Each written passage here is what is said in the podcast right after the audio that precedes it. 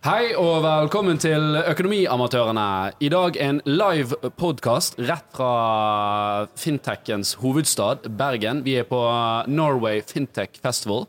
Uh, og vi skal gjøre dypdykk i uh, hvilken ny teknologi og tjenester uh, vi som forbrukere kan forvente oss i tiden fremover. Så dette blir kjempespennende. Vi har et veldig bra panel med forskjellige gjester. Så nå skal vi se litt på ja, mye rart. Det blir veldig gøy. Fremtiden. Hæ? På fremtiden for finansielle tjenester. Så følg med.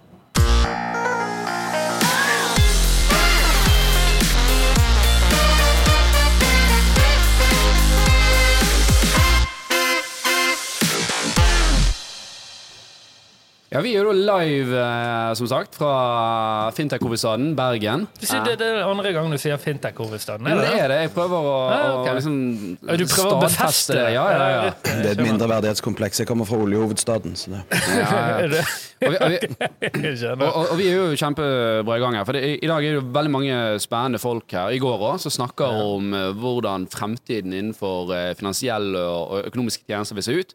I dag har vi fått eh, med oss det som må være Norges eh, største fintech, eh, Vips.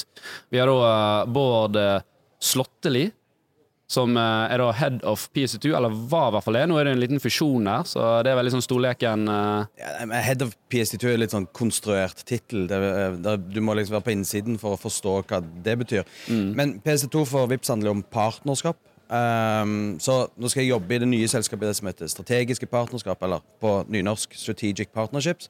Uh, Ja, og du, må, du må fortelle litt, det. det, dette, For det er jo ikke sikkert alle har fått med seg, men VIP skal jo nå da fusjonere med MobilePay. MobilePay, Ja. som er da den uh, svenske, danske, Den danske finske ekvivalenten. Ja. Ja. Den var jo også til stede i Norge eh, når Vips ble lansert, eh, men ble konkurrert ut. Eh, men som er like stor MobilePay er like stor i Danmark som, eh, som Vipps er i Norge. Altså like stor i den forstand at man har eh, eh, stort sett alle eh, som forbrukere, eh, og alle brukersteder, eller mange brukersteder, aksepterer MobilePay-betaling. Så eh, som vår eh, store leder Rune Garborg sier, da, betaling er ikke et nasjonalt mesterskap. Og når du først har kommet deg til et punkt der du er nasjonalmester, så må du jo vurdere andre typer mesterskap. Og da er det nordisk mesterskap eh, som er neste ut. Eh, og så må vi se hvor, eh, hvor det tar oss, da. Men nå fusjonerer vi. Jeg, jeg føler vi hopper litt bukk over begrepet PSD2. Jeg tror ikke alle lytterne våre som vet hva det er. Nei, Payment Services Directive eh, nummer to. Ehm, ja, altså, så Tilbake til, til min, min tittel som head of PC2. I, I Vips så gjennomfører vi betaling på, på mange vis. Og, og PC2 regulerer jo tilgang til tredjepartsaktører, lisensierte tredje, som har konsesjoner og lisenser, til å aksessere bankenes eh, eh, betalingskonti, gjennomføre og initiere betaling og hente ut informasjon. Så, så bare for eh, så vi får alle litt med oss. Det betyr da at jeg som er en forbruker kan knytte opp alle mine bankkontoer, eh, betalingskontoer, så jeg har jo forskjellige banker, om jeg har Sparebanken Vest eller DNB, det er ingenting å si. Jeg kan knytte alle sammen til Vips og andre tredjepartsaktører. Eh, Sånn som Horde har jo òg denne konsesjonen. Ja. Eh, for å da få en, en unison flate og kunne gjøre betalinger på og skape innovasjon, rett og Kan slett. brukes til mange ting uh, forskjellige typer innovasjoner. Noen selskaper tar tak i data, noen tar tak i betalingen. Og for Vips så, så vil jo den altså Vi er en tredjepart som alle andre tredjeparter, selv om eierstrukturen vår er, er, bank, så er vi frittstående selskap som må fungere innenfor lov og regelverk som, som eksisterer, og PC2 er et sånt. Men PC2 er litt sånn, og det har dere sikkert diskutert i tidligere podkaster, det er noe uferdig og ikke helt sånn brukervennlig. Så da, det å ha en head of PC2 i Vips handler jo da om å være si, inngang til bankene og det partnerskapet vi må ha med de for å få ut av PST2 det som gjør at Vips fungerer eh, sånn som alle kjenner eh, Vips. Eh, det er veldig enkelt. Veldig, veldig enkelt. Eh, og det ville det ikke nødvendigvis ha vært bare hvis bankene skulle få bestemme hvordan, hvordan vi skulle bruke disse grensesnittene. Så derfor, Min rolle har vært å, å sitte imellom Vips som, som betalingsforetak og bankene som leverandør av betalingstjenester og grensesnitt, eh, og passe på at dette går ja, som smurt. Ja, rett og slett betalinger går uten at det, det feiler, og Ja. det skal være en god brukeropplevelse. Ja. For det, for det er jo, eller i hvert fall min oppfattelse, er jo at Vipps er Du, du eh, holdt jeg på å si Du overfører penger, og det er dens funksjonalitet. Startet, altså, liksom fra et eh, forbrukerperspektiv, da, så startet, i 2015 eller noe, så startet uh, Vips. 2020 fikk du dette gavepapiret som hadde sånn konfetti. Yes. Hva skjer i 2025? Nei, da, da jeg kommer til å innføre sånn miljøgebyr på fjerning av gavepapir for den som må. Da tenker jeg det digitalt. eh, ja. Nei, eh, hva som skjer i 2025 Akkurat nå, så, som eh, Alf Gunnar var inne på, så, så er det en fusjon. Det er et det er et tungt stykke teknisk arbeid. Det, det, det er tungt på alle vis. Vi brukte halvann, halvannet år inn mot EU-kommisjonen for å få dette godkjent, og masse fram og tilbake. Når vi først fikk det godkjent, så starter jo egentlig den vanskelige jobben. Da kan vi begynne å snakke sammen på teknisk nivå. Så med de nærmeste året, to og kanskje litt til, eh, så, vil vi jobbe ganske kjedelig nede i kjelleren med å, å si, konsolidere to teknologier som ser like ut. og Hvis du tar helikopter opp i luften over, over Norge og Danmark, og til og med Sverige, eh, og for så vidt også Finland, der MobilePay eh, fins, så, så, ser det ut som ja, men det er bare samme greia med forskjellige merke, eh, merkevarenavn. Men det er ikke det når du åpner panseret. Det er helt forskjellige måter å gjøre ting på. Eh, så det må vi konsolidere. Så Men om, om, om, tre år kan jeg vippse en kamerat i Sverige Ja. og Danmark helt uten noe helst? ja, det vil jeg påstå. Ok, Så det er det som er innovasjonen her, da? Ja, det er jo en av de, da. Men det er klart, nå nevner du bare denne vennebetalingsdelen. Vips er jo eh, si, like store på, som, som betalingsinstrument i, i kommersiell kontekst. Så det handler jo om at du kan bruke Vips Mobile Pay-løsningen når du handler på, nettsted, eh, altså på netthandel eller i fysisk, forhåpentligvis, hvis vi klarer å få tilgang til, eh, til en del teknologi. Men at du kan bruke Vips Mobile Pay eh, i, i hele Norden. Så Ja. da, da trenger du én betalingsapp. Det vil sikkert være flere, men har du en Vipps Mobile Pay, så skal du klare å komme deg ut av et betalingsproblem eh, i hele Norden. Okay.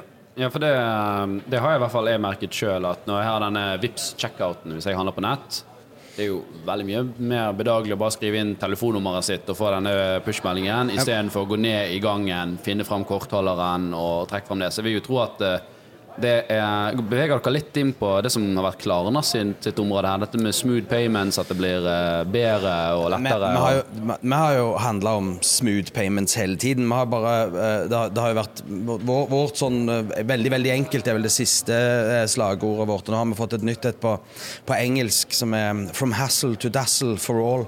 Eh, ja, ja, ja, don't go there. Men, men det, det, det, det er så morsomt at det, det er verdt et egen podkast.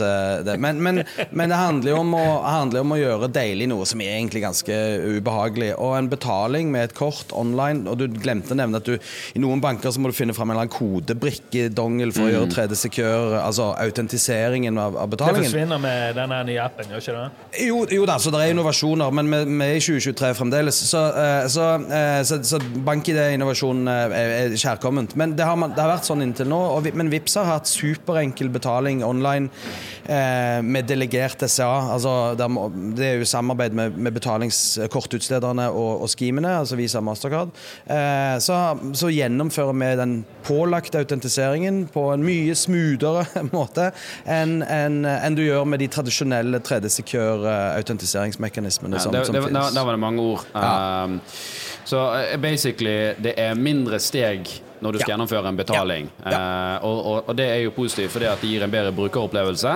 Og- Og, det er positivt for butikkene fordi Yes. at eh, de vil Du, du slipper at eh, det, det hender jo sikkert ofte at folk jeg kjøper ting, og så bare Nei, jeg har ikke kort der. Jeg gjør det seinere. Salget forsvinner vekk. Og, og da er mitt spørsmål Kan payments bli for smooth? Altså at Hvis du fjerner den friksjonen Ja. fra å gjøre en betaling, mister vi helt sånn begrepet på mye risiko. verdien av Det er mye risiko. Ja, er ikke, det med verdien av penger er jeg ikke så sikker på, men jeg er jo mer opptatt Nei, men av altså, at folk skal være trygge da, på at eh, for Hvis det blir for smooth, så skjer jo egentlig betalingen uten Lommekjøping og sånn. Ja, ja, du, du, ja nettopp. Sant? Litt sånn lommering. Lommekjøp. Oi, der hadde, jeg fikk en kasse bananer hjemme fordi telefonen min eh, hadde eh, Eller noen eller inngår betalingsavtaler som du ikke forstår omfanget av, og så plutselig ja, har du en ny kasse bananer på døren ikke sant, som du ikke vil ha. Så, så, så det er mer det at Men dette med trygghet er jo viktig, da. Så det, det er en balanse du du skal ha. For noen er det viktig den, altså det å gjøre en bank-ID-autentisering i forbindelse med en overføring fra, eh, eller en betaling fra nettbank osv. Det, det skaper trygghet og rammer som gjør at ok, hvis det er så vanskelig å flytte mine penger, ja, da er det ikke så lett for noen å, rappe de heller, på en måte. Så ja, er, det, man, skal, eh, man skal være trygg, man skal skape trygge løsninger, men, men jeg tror jo at hvis man klarer å gjøre dette enkelt og trygt, og det det får du ikke på dag én. Det får du på dag eh, eh, lenger ute i et kundeforhold. Eh, så, så da, gjøre, da, da tror jeg ikke vi klarer å gjøre det for smooth, for det handler om at vi er en kjent og, og, og trygg aktør. jeg forstår det argumentet med at det må jo fortsatt være sikkert, og du ikke skal sånn tilfeldig kjøpe ting du ikke mente å kjøpe. Eh, men det er klart at hvis eh, det, det blir jo litt sånn hvis, hvis penger eh, vi, vi har jo sett det, bare du det, det er jo det der å fysisk gi fra seg en hundrelapp svir mer enn å digitalt betale for en hundrelapp. Så hvis du fjerner og gjør det enda mer smooth, vil, kan, det, kan det føre til at folk i større grad bruker penger de ikke nødvendigvis Altså et At man anser det da. som poeng, nesten. liksom. Ja, eller, eller det blir for lett å bruke penger, så du kjøper litt mer enn det du evner å ha. For det er den eh, lille følelsen på smerte at penger forsvinner, eh, blir litt på lav. Akkurat som når, når kredittkort liksom er boom i Norge, sant? Så, så så vi det at forbruksgjeld eh, steg voldsomt. Det kan eh. godt- hende at Vips med, med sin enkelhetsfokus bidrar til noe sånt, men jeg tror det er uunngåelig eh, rundt oss. Cash er liksom ikke en praktisk eh, eh, skal jeg si, eh, monetær form uh, i, i samfunnet. For det, man får ikke betalt med det. Brukerstedene vil ikke ha det, selv om de må. Uh, det, det, er det vanskelig å, å, å, mange steder å betale med kontant. Så jeg vet ikke, vi kan ikke Det er liksom ikke men- jobb heller, føler nei, det er ikke for det. vidt. Men vi, vi, prøver jo å være eh, inkluderende, at alle skal kunne bruke vår løsning. Um, barn og unge som, som, som ikke nødvendigvis har bank-ID eller kan identifisere seg, kan òg bruke vår løsning. Så, um, så det, er en- det er litt både òg, tror jeg. Det kan godt være at Vips eh, er med på å forsterke eh, si, at penger forsvinner som, som noe håndfast, men, eh, men, eh, og, som, og gjør det litt enklere. Men Det er vel også målet, ikke det? Eller i hvert fall jo, eh, jo da. Vi, vi, vi vil at alle betalinger i hele verden skal gå gjennom Vips. Ja.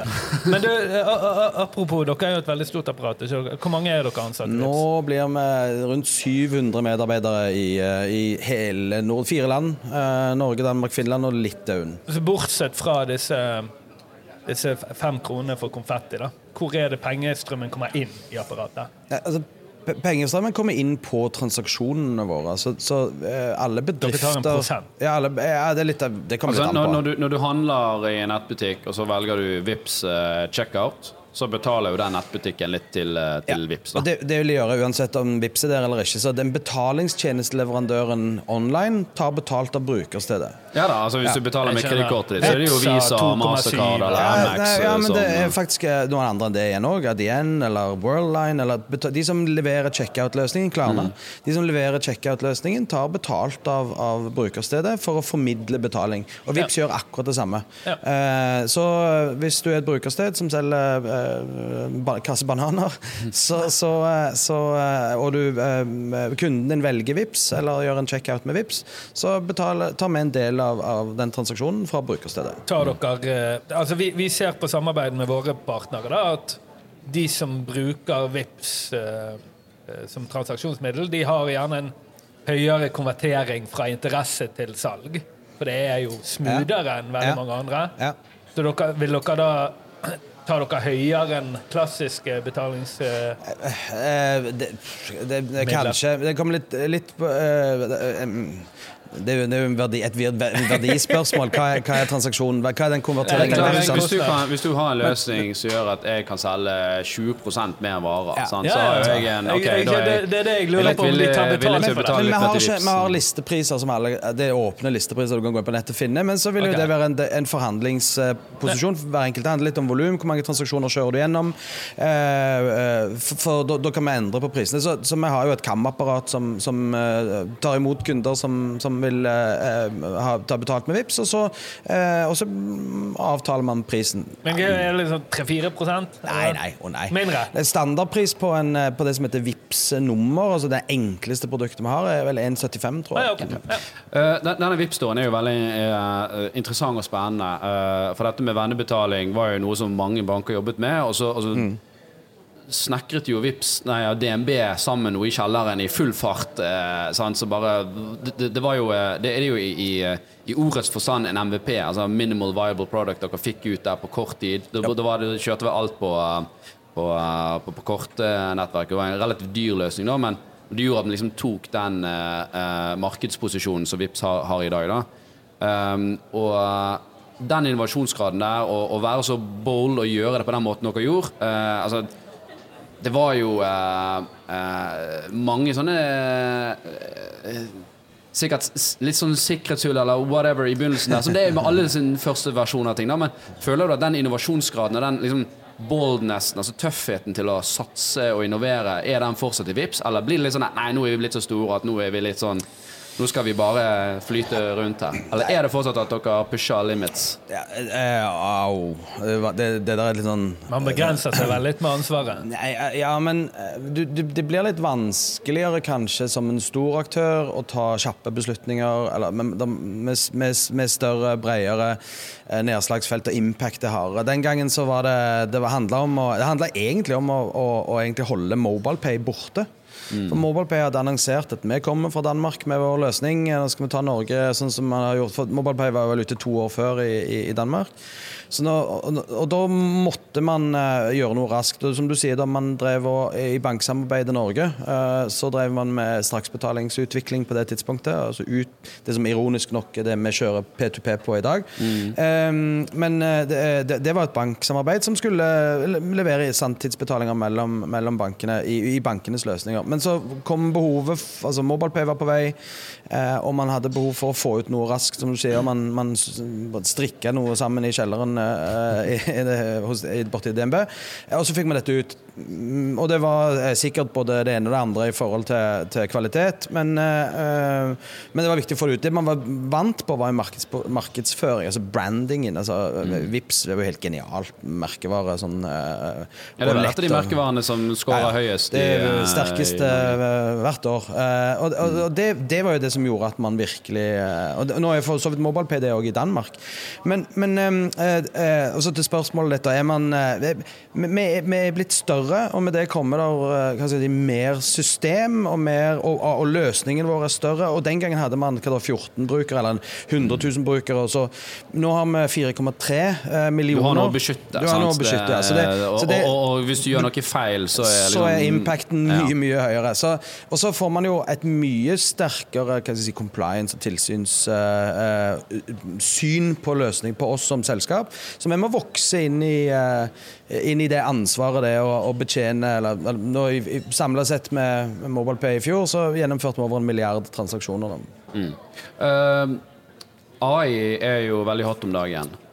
Er dette noe som òg har uh, tatt uh, deres uh, interesse? Ja, ja interesse har vi, men vi skal ikke lyge på oss at vi, at vi gjør verken det eller andre. Men vi Altså Med 700 ansatte så antar jeg at det er noe sånn Ja. Hei, nå har det kommet noe nytt der som kan være veldig disruptivt. Dere fire, Ja, gå men og liksom finn litt ut om dere kan gjøre noe kult. For oss er den type teknologi interessant i monitorering av, av transaksjoner og det å få, hjelp av si, roboter som, som kan ja, avdekke eh, ja, svindel eller, eh, eller eh, transaksjoner som ikke burde funnet sted. Da. Eh, så, så det å, å, å bruke den type teknologi i, i kjernesystemene våre for å, for å hjelpe oss til å bli flinkere og bedre og fange ting opp raskere eh, Er det noe dere jobber med, eller er vi- det tanker om å jobbe med Ja, det? og vi jobber med det, men vi, vi, vi jobber med det mer som, som hva skal jeg si, uh, p- prosjekter for å finne ut av hvordan man kan ta det i bruk, mer enn at man, har, man det har det. Vi har selvfølgelig flagg og litt sånn dumme, dumme roboter som, som, som det, men, men det å, å, øke kvaliteten på dette gjennom å bli flinkere til å se alt altså Når vi gjennomfører så mange transaksjoner som vi gjør, det kan være en million P2P-er om dagen, um, ja, da, da, da, da Du kan ikke ha en manuell kontroll. Sånt. Så, det, så det å bruke den type teknologi til å hjelpe oss med å, å fange opp Så så når det skjer en transaksjon, så, eh, så går den gjennom noen filtre som dere har. Da. Hvis det er noe rart med den transaksjonen, så flagges den som at ok, her kan det være potensiell uh, Ja. hvitvasking hvitbasking eller Ja, ja, det er vi er jo terrorfinansiering. på, pålagt, Ja. Mm. og, og som alle som gjør transaksjoner, til å sørge for at disse transaksjonene skjer på en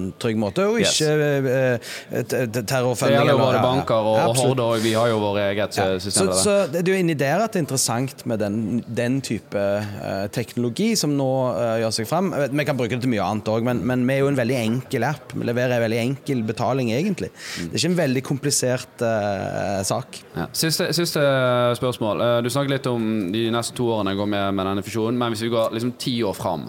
Eh, vi, vi vet ikke om eh, krypto om det er dødt, eller om det faktisk har fått et fotfeste. Sant? Er vi i metaverset? Er mobilen begynt å bli faset ut, for alt er bare voice? Altså, hva, hva, hva tenker liksom Vips, Hvordan skal ser Vips på liksom, hvordan skal vi plassere oss i disse nye, potensielle nye Ja. eh, flatene som forbrukere kommer til å bruke?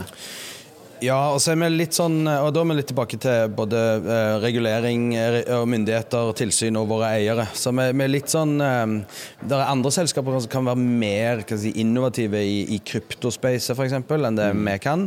Kan jeg, kan, jeg komme til å kunne vippse bitcoin? Eh, ikke, ikke før det er, en, ikke før det er reg- er regulert.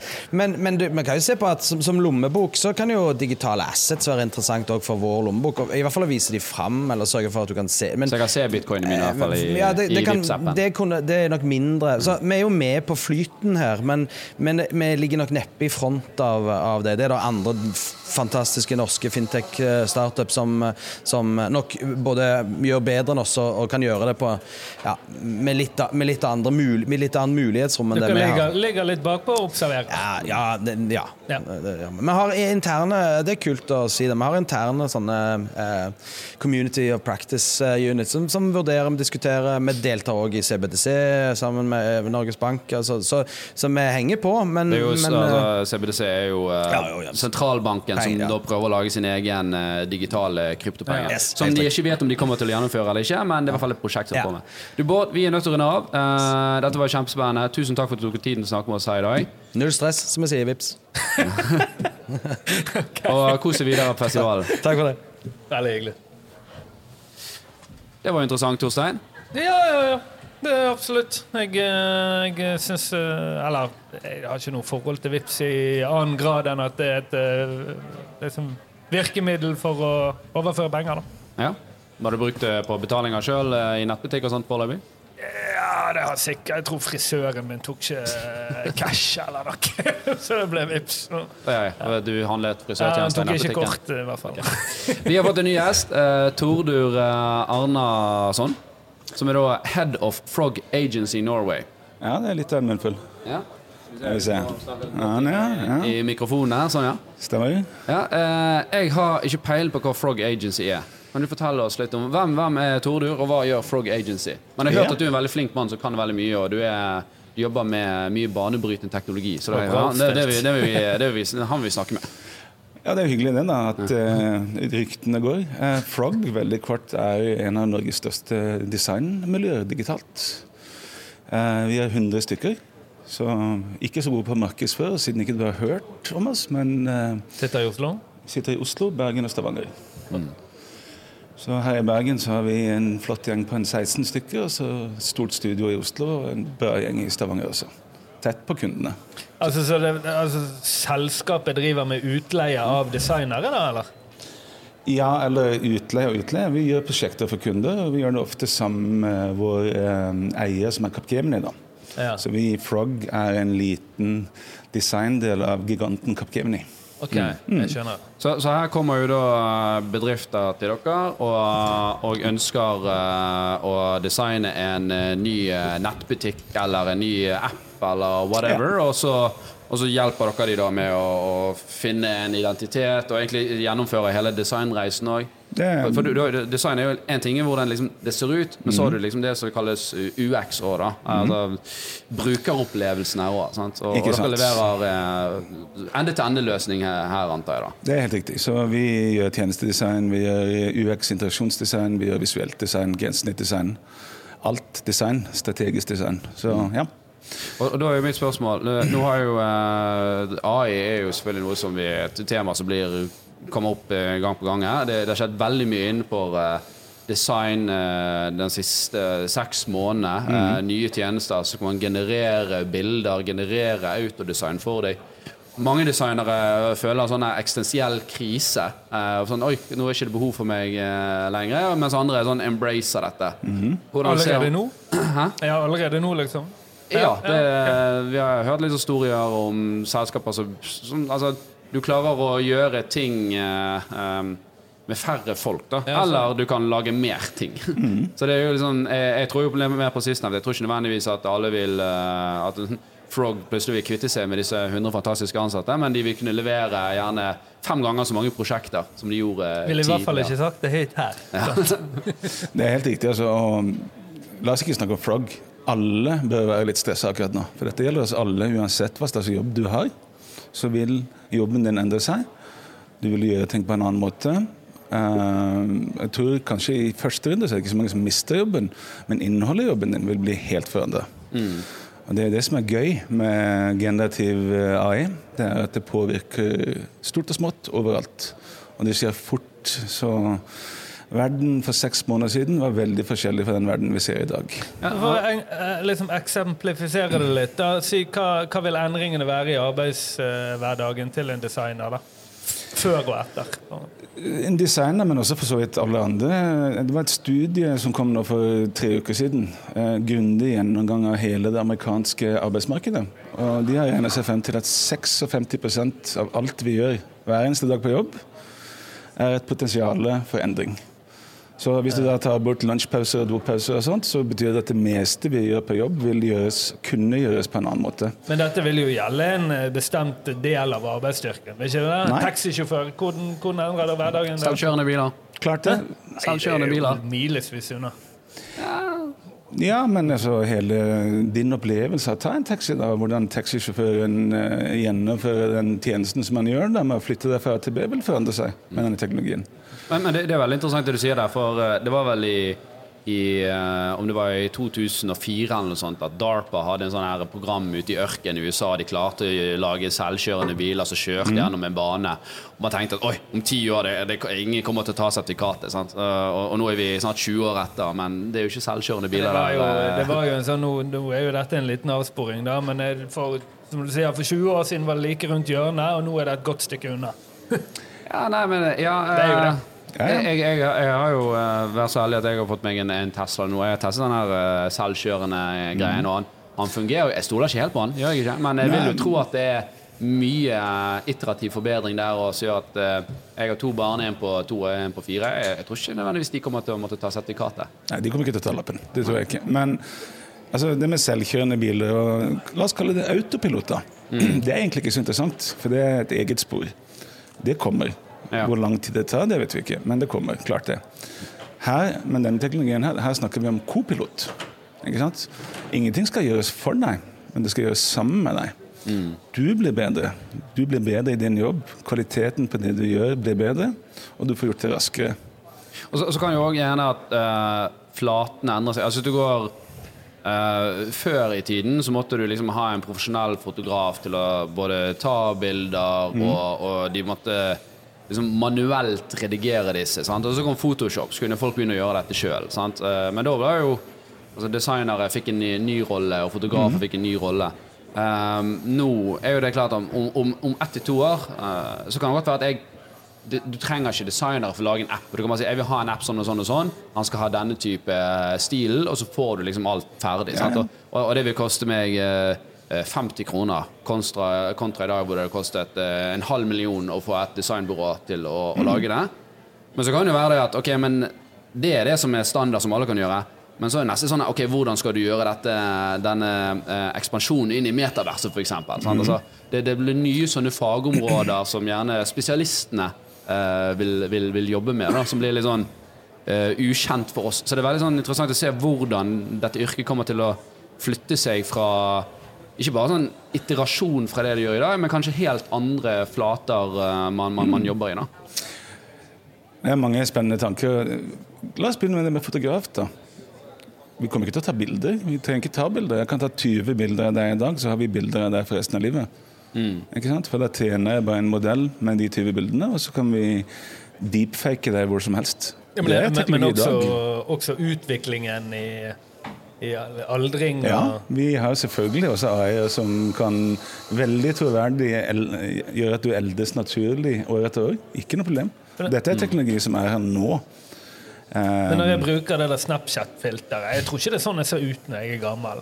Nei, men det er jo en kommersiell Ja, greie som er nesten gøy. da. Her, her snakker jeg på ordentlig og seriøst. altså. Hvorfor skal du ha pressebilder? Eh, Hvorfor skal du, hva skal Marcom-avdelingene til selskapet gjøre når du kan bare sitte og generere den? ikke sant? Så når du har tatt bilder i dag med disse her eh, sikkert noen eh, simuleringer, da, Mm. kan du ta et bilde av en eh, ung person som er blitt gammel, så kan du sammenligne, så ser du at det er en veldig stor korrelasjon. Absolutt. Ja, likhet. blir det riktig, men ja. Så, Det her er jo flere interessante sider av den saken. Den ene er jo um, Vil et sånt bilde ha like høy verdi? Jeg kan, jeg kan skjønne det sånn OK, pressebilde. Ja, jeg orker ikke å gå ut og stå ute i regnet for å ta et pressebilde, eller bare generere noe. Men du vil jo ikke altså, autogenerere bryllupsbildene dine. Eller sant? det. Eller eh, ferie, Vi gidder ikke dra på ferie, men la oss lage noen bilder som ser ut som vi var på Maldivene. Sant? Det, det blir jo du, du, du lager jo et bilde her for å liksom pukke fast i et minne. Um, så får vi se hva som er ekte og falske minner under nå, da. Og hvordan vi forholder oss til det. Godt poeng. Men uh, det som er interessant altså, Menneskelig syke kommer til å få det vondt. Altså. Hvis vi spinner litt videre på dette med pressebildet. ikke sant? Det jeg sier det er at De kjedelige tingene kan vi automatisere bort eller gjøre på en annen måte. Men selvfølgelig de, og da kan vi bruke mer av huet vårt og kreativiteten vår på de spennende, nære, menneskelige tingene. Klart du skal ha et bilde fra bryllupet ditt. ikke sant? Klart du skal da til Maldivene og dokumentere det og skryte av det. selvfølgelig. Men hvis du glemte å ta et bilde som du skulle gjerne ha hatt fra den turen, så kan du bare lage det. Og det, og, det, og, og, og, og det vil ha Tror du at det vil ha samme verdi for det menneskelige sinnet, på en måte? Hva bruker du bildet til? Er det for å skryte at du har vært på Maldivene og ser alt det kule Ja, som jeg ja. Jeg Men for meg- Jeg vil jo aldri eie det helt på samme måte, men det, det er også en veldig interessant ting som jeg har jobbet mye med de siste månedene. Har jeg eierskap til det jeg lager sammen med mine kunstige venner? Ja. Ikke sant? Og det tok en stund, men det har jeg. For jeg føler at når vi jobber sammen, og jeg sier vi bevisst, for jeg har fem kunstige venner som jeg bruker hver eneste dag Forskjellige Altså, AI-er. AI, Ja, ja, ja. så, så du har satt opp, da? Ja. Og vi sitter og jobber sammen. Jeg har en som er veldig god til å skrive, en som er veldig god til å faktasjekke, jeg har en som er veldig god på å generere bilder og tale. Og så har jeg en ekspert som hjelper meg med koding når jeg trenger det. Og de sitter jeg og jobber med gjennom en dag. Og vi det er kollegaer. De er bare kunstige. Men denne relasjon, altså feedbacken du får på deg som person, sånn, Mm. det, det er vel ikke til sted Du er vel ikke De er ikke programmert til å skryte av deg, liksom? Det er de jo, vet du. Det er det det det? Noen av dem er veldig flinke til det. Det er enda bedre enn den skrytet jeg fikk her i starten. Uh, Men det, det som er interessant, da, det er uh, det med eierskap. Vi må venne oss til dette. Vi må venne oss til at vi har en assistent som gjør oss bedre.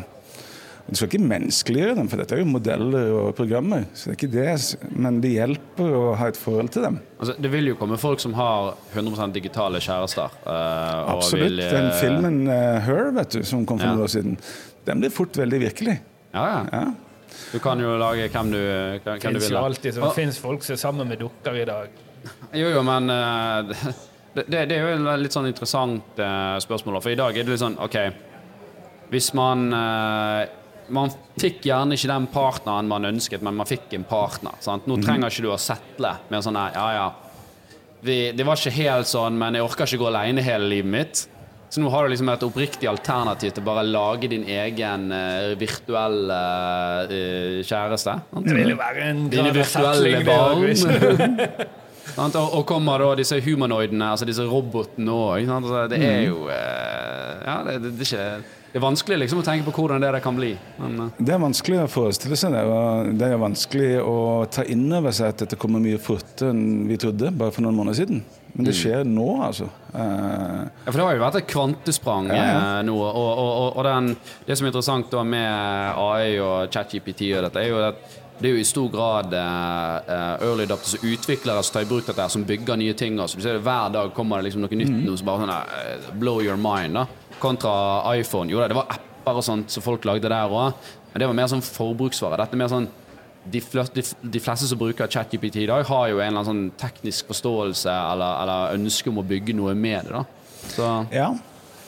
Uh, det er noen hundre millioner aktive brukere på ChatGPT nå. De sitter med det av og til eller hele tiden og bruker det til alt mulig rart. Så det er jo kun vår egen fantasi over manglende evne til å snakke godt med den type teknologier som begrenser hva vi gjør med dem.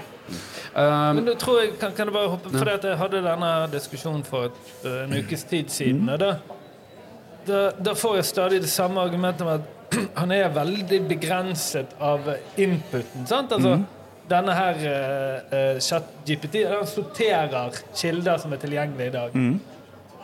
Er det Er det riktig, eller er det noe mer her? For det høres ut som man snakker om dette som en sånn altslukende greie, men dette skal jo være informasjon som er der ute i dag, og, og er tilgjengelig, bare ikke sortert like bra. Den er jo trent på ting fra den virkelige verden, men den kan dikte opp ting basert på den treningen som ikke finnes. Det vet du aldri helt. Og Det er litt interessant, da, for det får jo disse, GPT får jo mye kritikk for det. Men det ligger i den modellens natur, og i den type modellers natur, at de kan finne på ting. Det som skjer nå, da, er at du kan, eh, og det skjer fort det òg, og jeg har begynt å bruke det med stor glede, at du kan faktasjekke dem. Ok? Så hvis jeg ikke er helt sikker på hva jeg fikk ut, så kjører jeg en runde til med faktasjekking.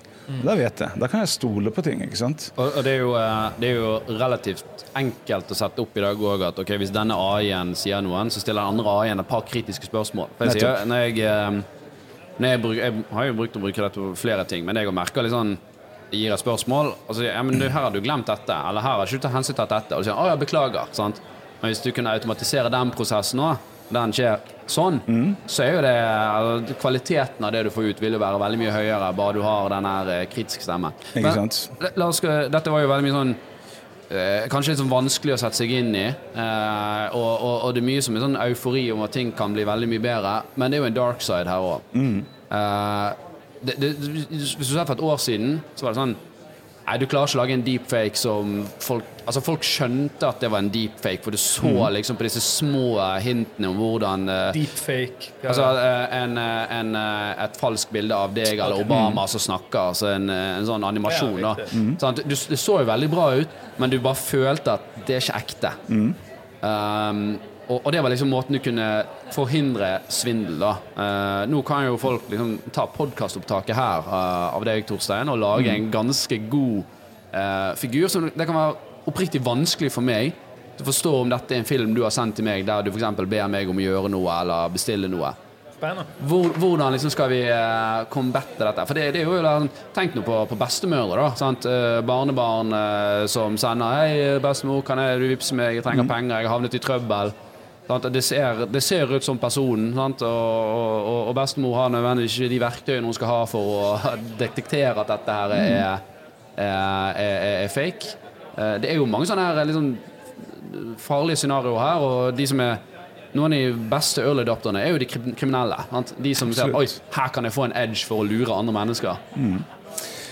Og det kan du, og det gjøres i stor skala allerede. Eh, og vi har ingen gode svar på hvordan vi skal fikse det. Eh, vi har jo et problem, og det er mennesker. og mennesker finner på ting. Eh, Må du ha en egen AI-bot som passer på deg òg og faktasjekker? Liksom. Hvis, hvis jeg får en video av Torstein, så vil den liksom poppe opp og si Hei, den her er fake. Jeg så liksom et eller annet. Jeg tror, jeg tror i hvert fall de nærmeste månedene inntil det kommer bedre løsning på plass som vil hjelpe oss, så tror jeg det er klokt å være litt ekstra varsom på alt, egentlig. Jeg har Si- merket at Sier ikke at du skal være paranoid, men pass litt på. Ja, nei, altså jeg har merket Det der har slått meg veldig men på helt andre måten. Altså Jeg ser ting som kanskje kan være ekte. Mm. tenker jeg, nei, det er bare tull. Det er bare fake. Eller du har sånn lip-reading fra Biden, for eksempel, går veldig mye sånn hvor han surrer fælt. da Det kan være han gjør det, men at alle tenker bare Nei, det der er bare, sur det der er bare sånn her eh, fake. Ja, Det blir jo vanskeligere for særlig når du har kanaler sånn som TikTok. Altså, ting kan jo gå virale der at eh, Biden står der og dummer seg ut i en tale eller whatnot. Sånt. Så Men oppsiden til Biden vil jo da være at han kan bare påstå nei, det var en fake, hvis han faktisk Ja, delte seg ja, ut. det det. Ikke sant? Det det. ikke? Så, men det er et interessant landskap. Ja, det?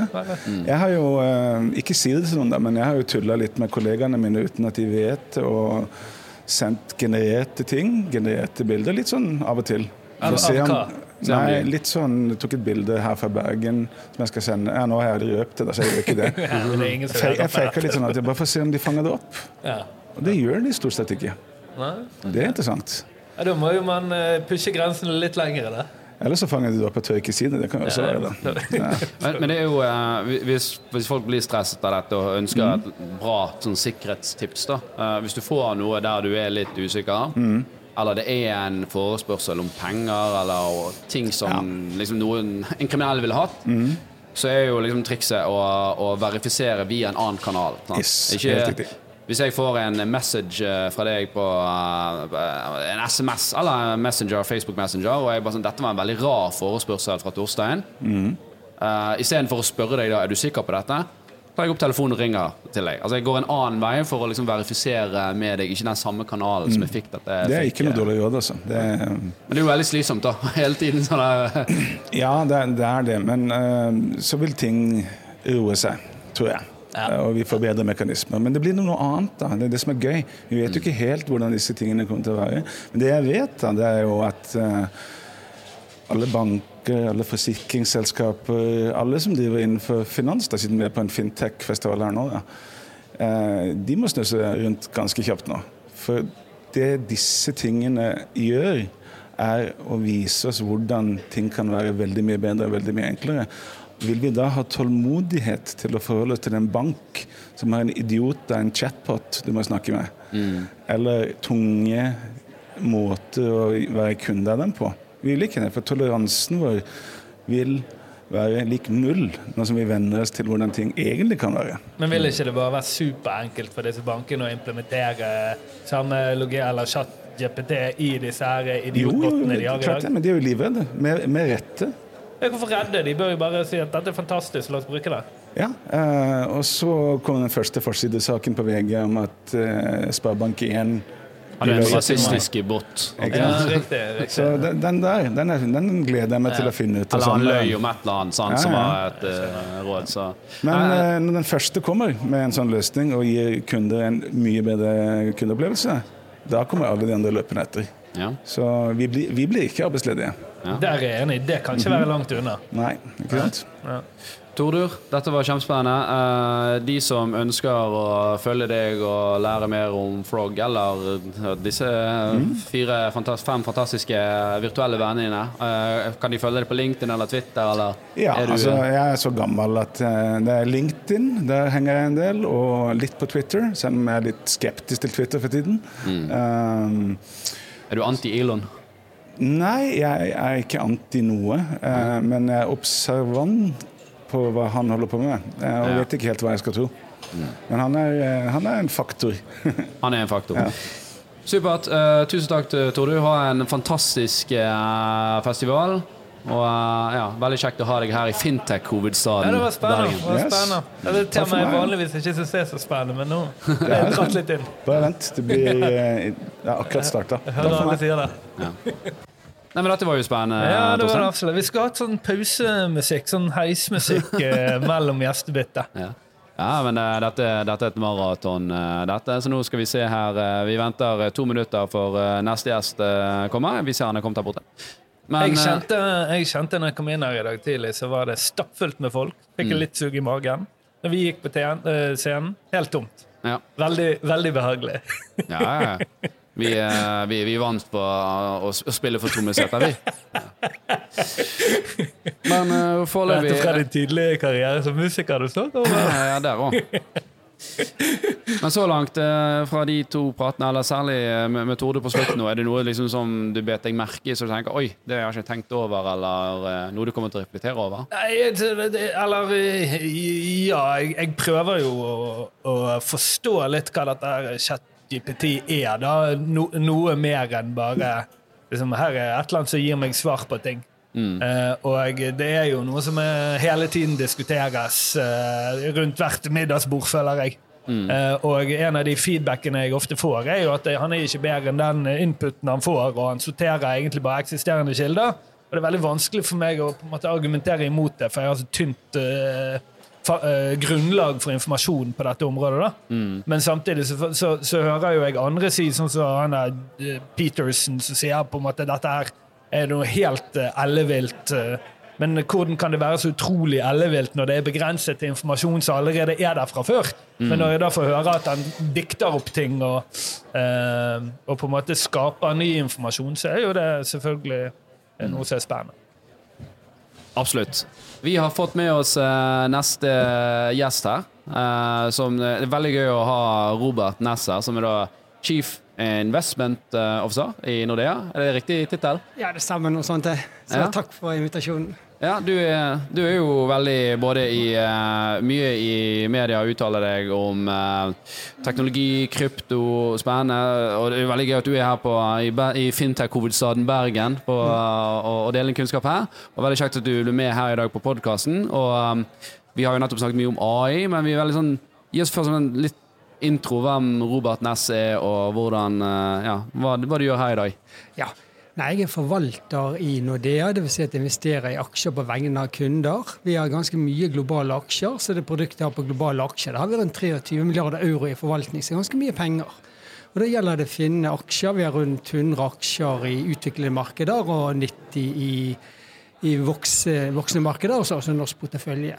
Og og da er jeg spesielt interesse for dette nye generative AI, både fordi det påvirker aksjekursene, og så er jeg litt interessert i temaet. Jeg skrev faktisk hovedoppgaven min på Civic på 80-tallet, så er det lenge siden, om kunstig intelligens. Så jeg har fulgt litt eh, med. Hva, liksom, hva, fortell noe mer hva du, hva du skrev om på det, på det tidspunktet. da. Nei, altså det, det neste, Jeg må ikke huske helt alt det vi holdt på med. Så at vi, jeg gikk på ingeniørskole før det på data. Da lagde vi bare sånne helt enkle, enkle banale modeller.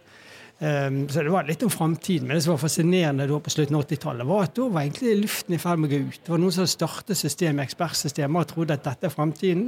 Og så la de ned selskapet da i 87. For det, var liksom, det gikk liksom ikke fort nok. De greide ikke å få noe penger ut av det. Nei, jeg skjønner. Og, og din hverdag går jo mye med å analysere sikkert eh, både selskaper, men også se på det makroøkonomiske rentenivået og sånn som det. Altså, og så kommer dette her generativ AI, sant? eh, som mange forventer gjerne er en, en, en industriell, ny industriell revolusjon. da.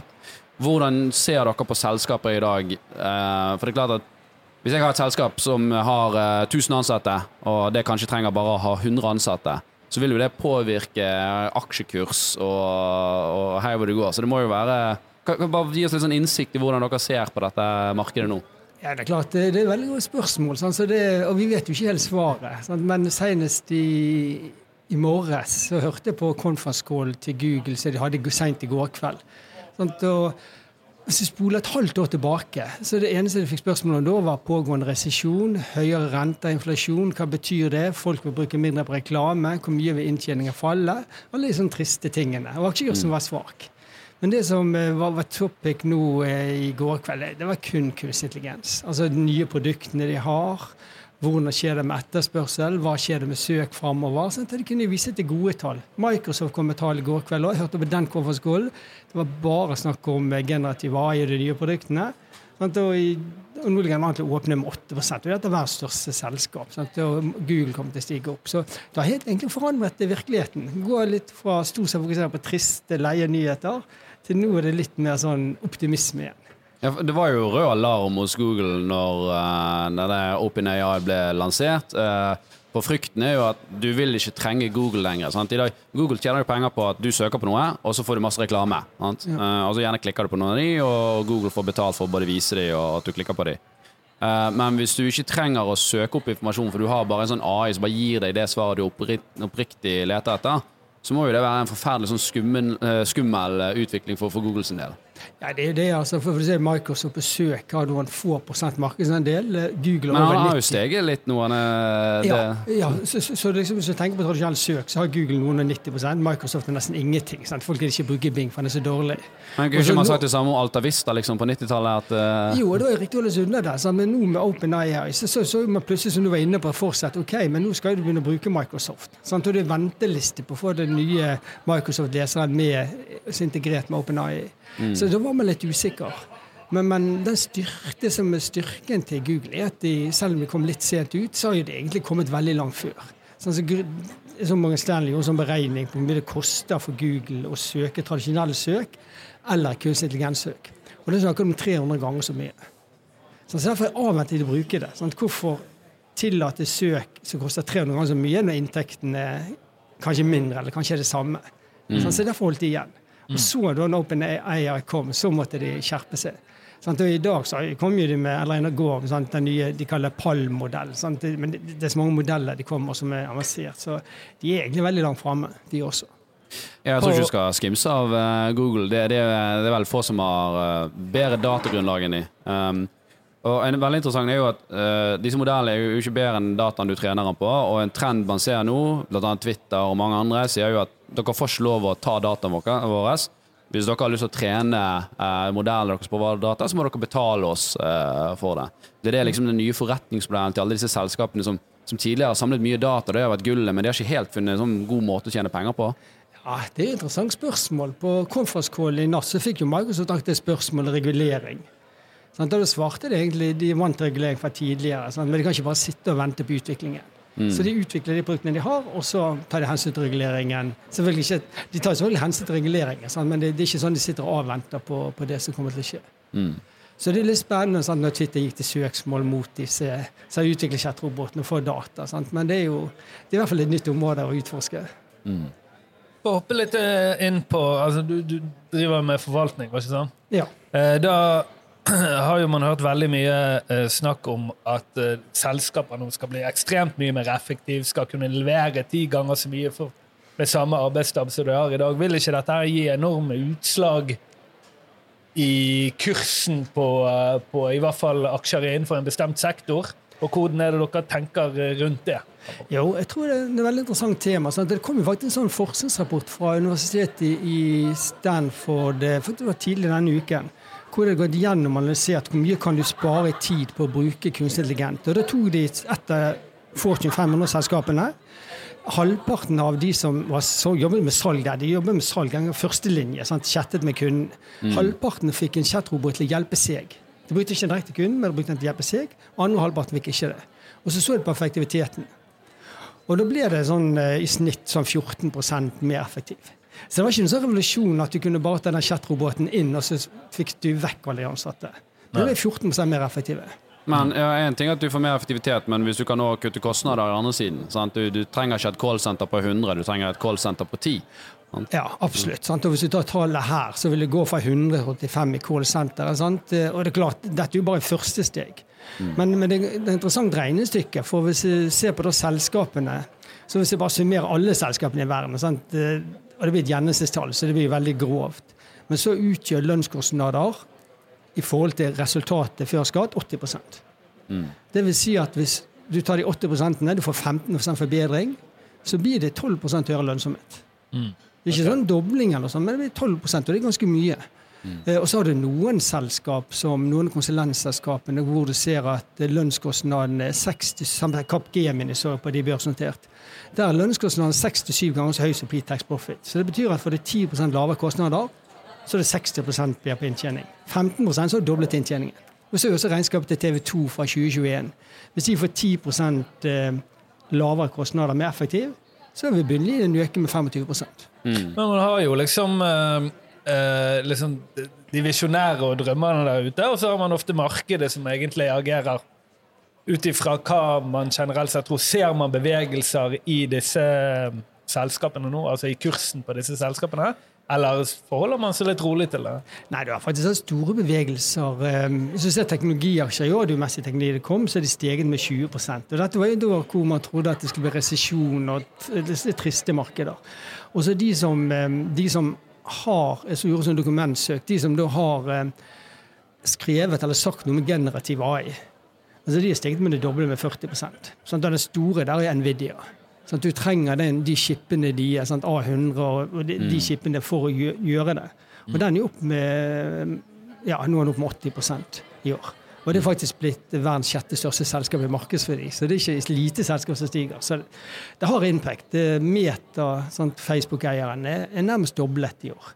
Og det er mm. mye fordi at de kom med noen fancy produkter. Mm. Ja. Hvis, hvis, vi uh, tar et steg uh, Ikke helt ut, men litt tilbake fra, fra AI, da. Um, og så ser vi litt på det som gjerne forbrukere i Norge uh, i dag i hvert fall er mest opptatt av. Så er jo det en del ting som skjer der. Sant? Vi har en, en, rente som er betraktelig mye høyere enn for halvannen-to år siden. Uh, hvis du skal se i, i denne glasskulen, hva kan uh, forbruker for, uh, forvente seg? Skal vi videre på denne rentebanen? Tror du det bikker nærmere oss toppen? Ja, så klart i, i, Norge Vi har også en svak krone i Norge. Sånn, så, så, det betyr at selv om ting skulle tilsi at ikke vi trenger å sette opp rentene så mye, så, så må en tenke litt på, på den også. Så, så jeg tror jo, og det er jo også den konklusjonen til Ja, kollegene hvor, hvor, mine. hvorfor er det viktig å tenke på eh, at kronen er svak?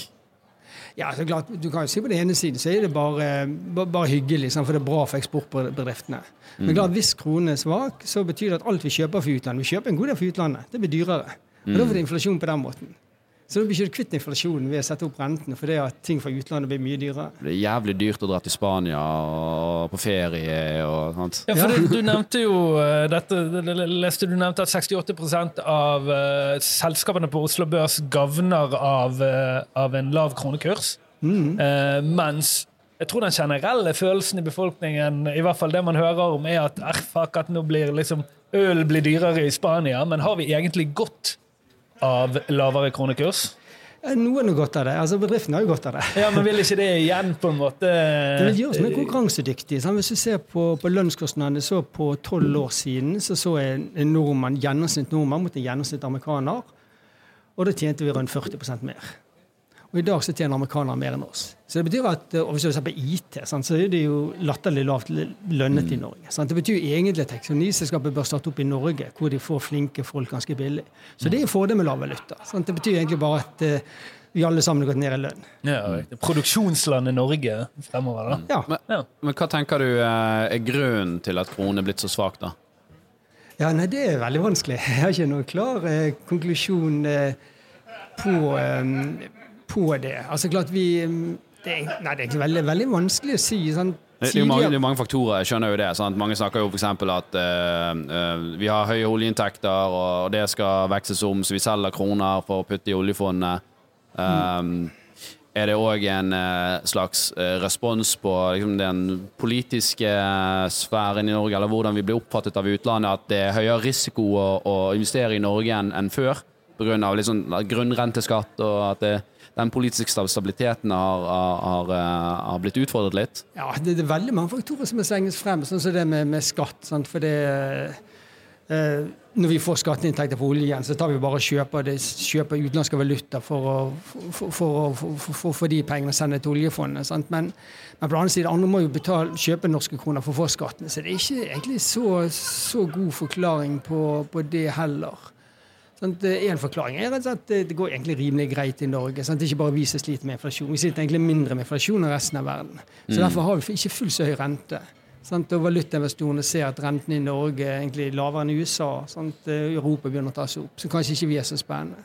Mm. Men altså Mange sier det fordi vi er et lite land, høy risiko. Men det er mange små land som har steget mye. Sant? Så? Det sterkeste valutaen det siste året har jo vært Russland og rubler. Sant? Det er ingen grunn til. Men det er selvfølgelig fordi, det, det, ikke selvfølgelig, men det er fordi de har manipulert kursen.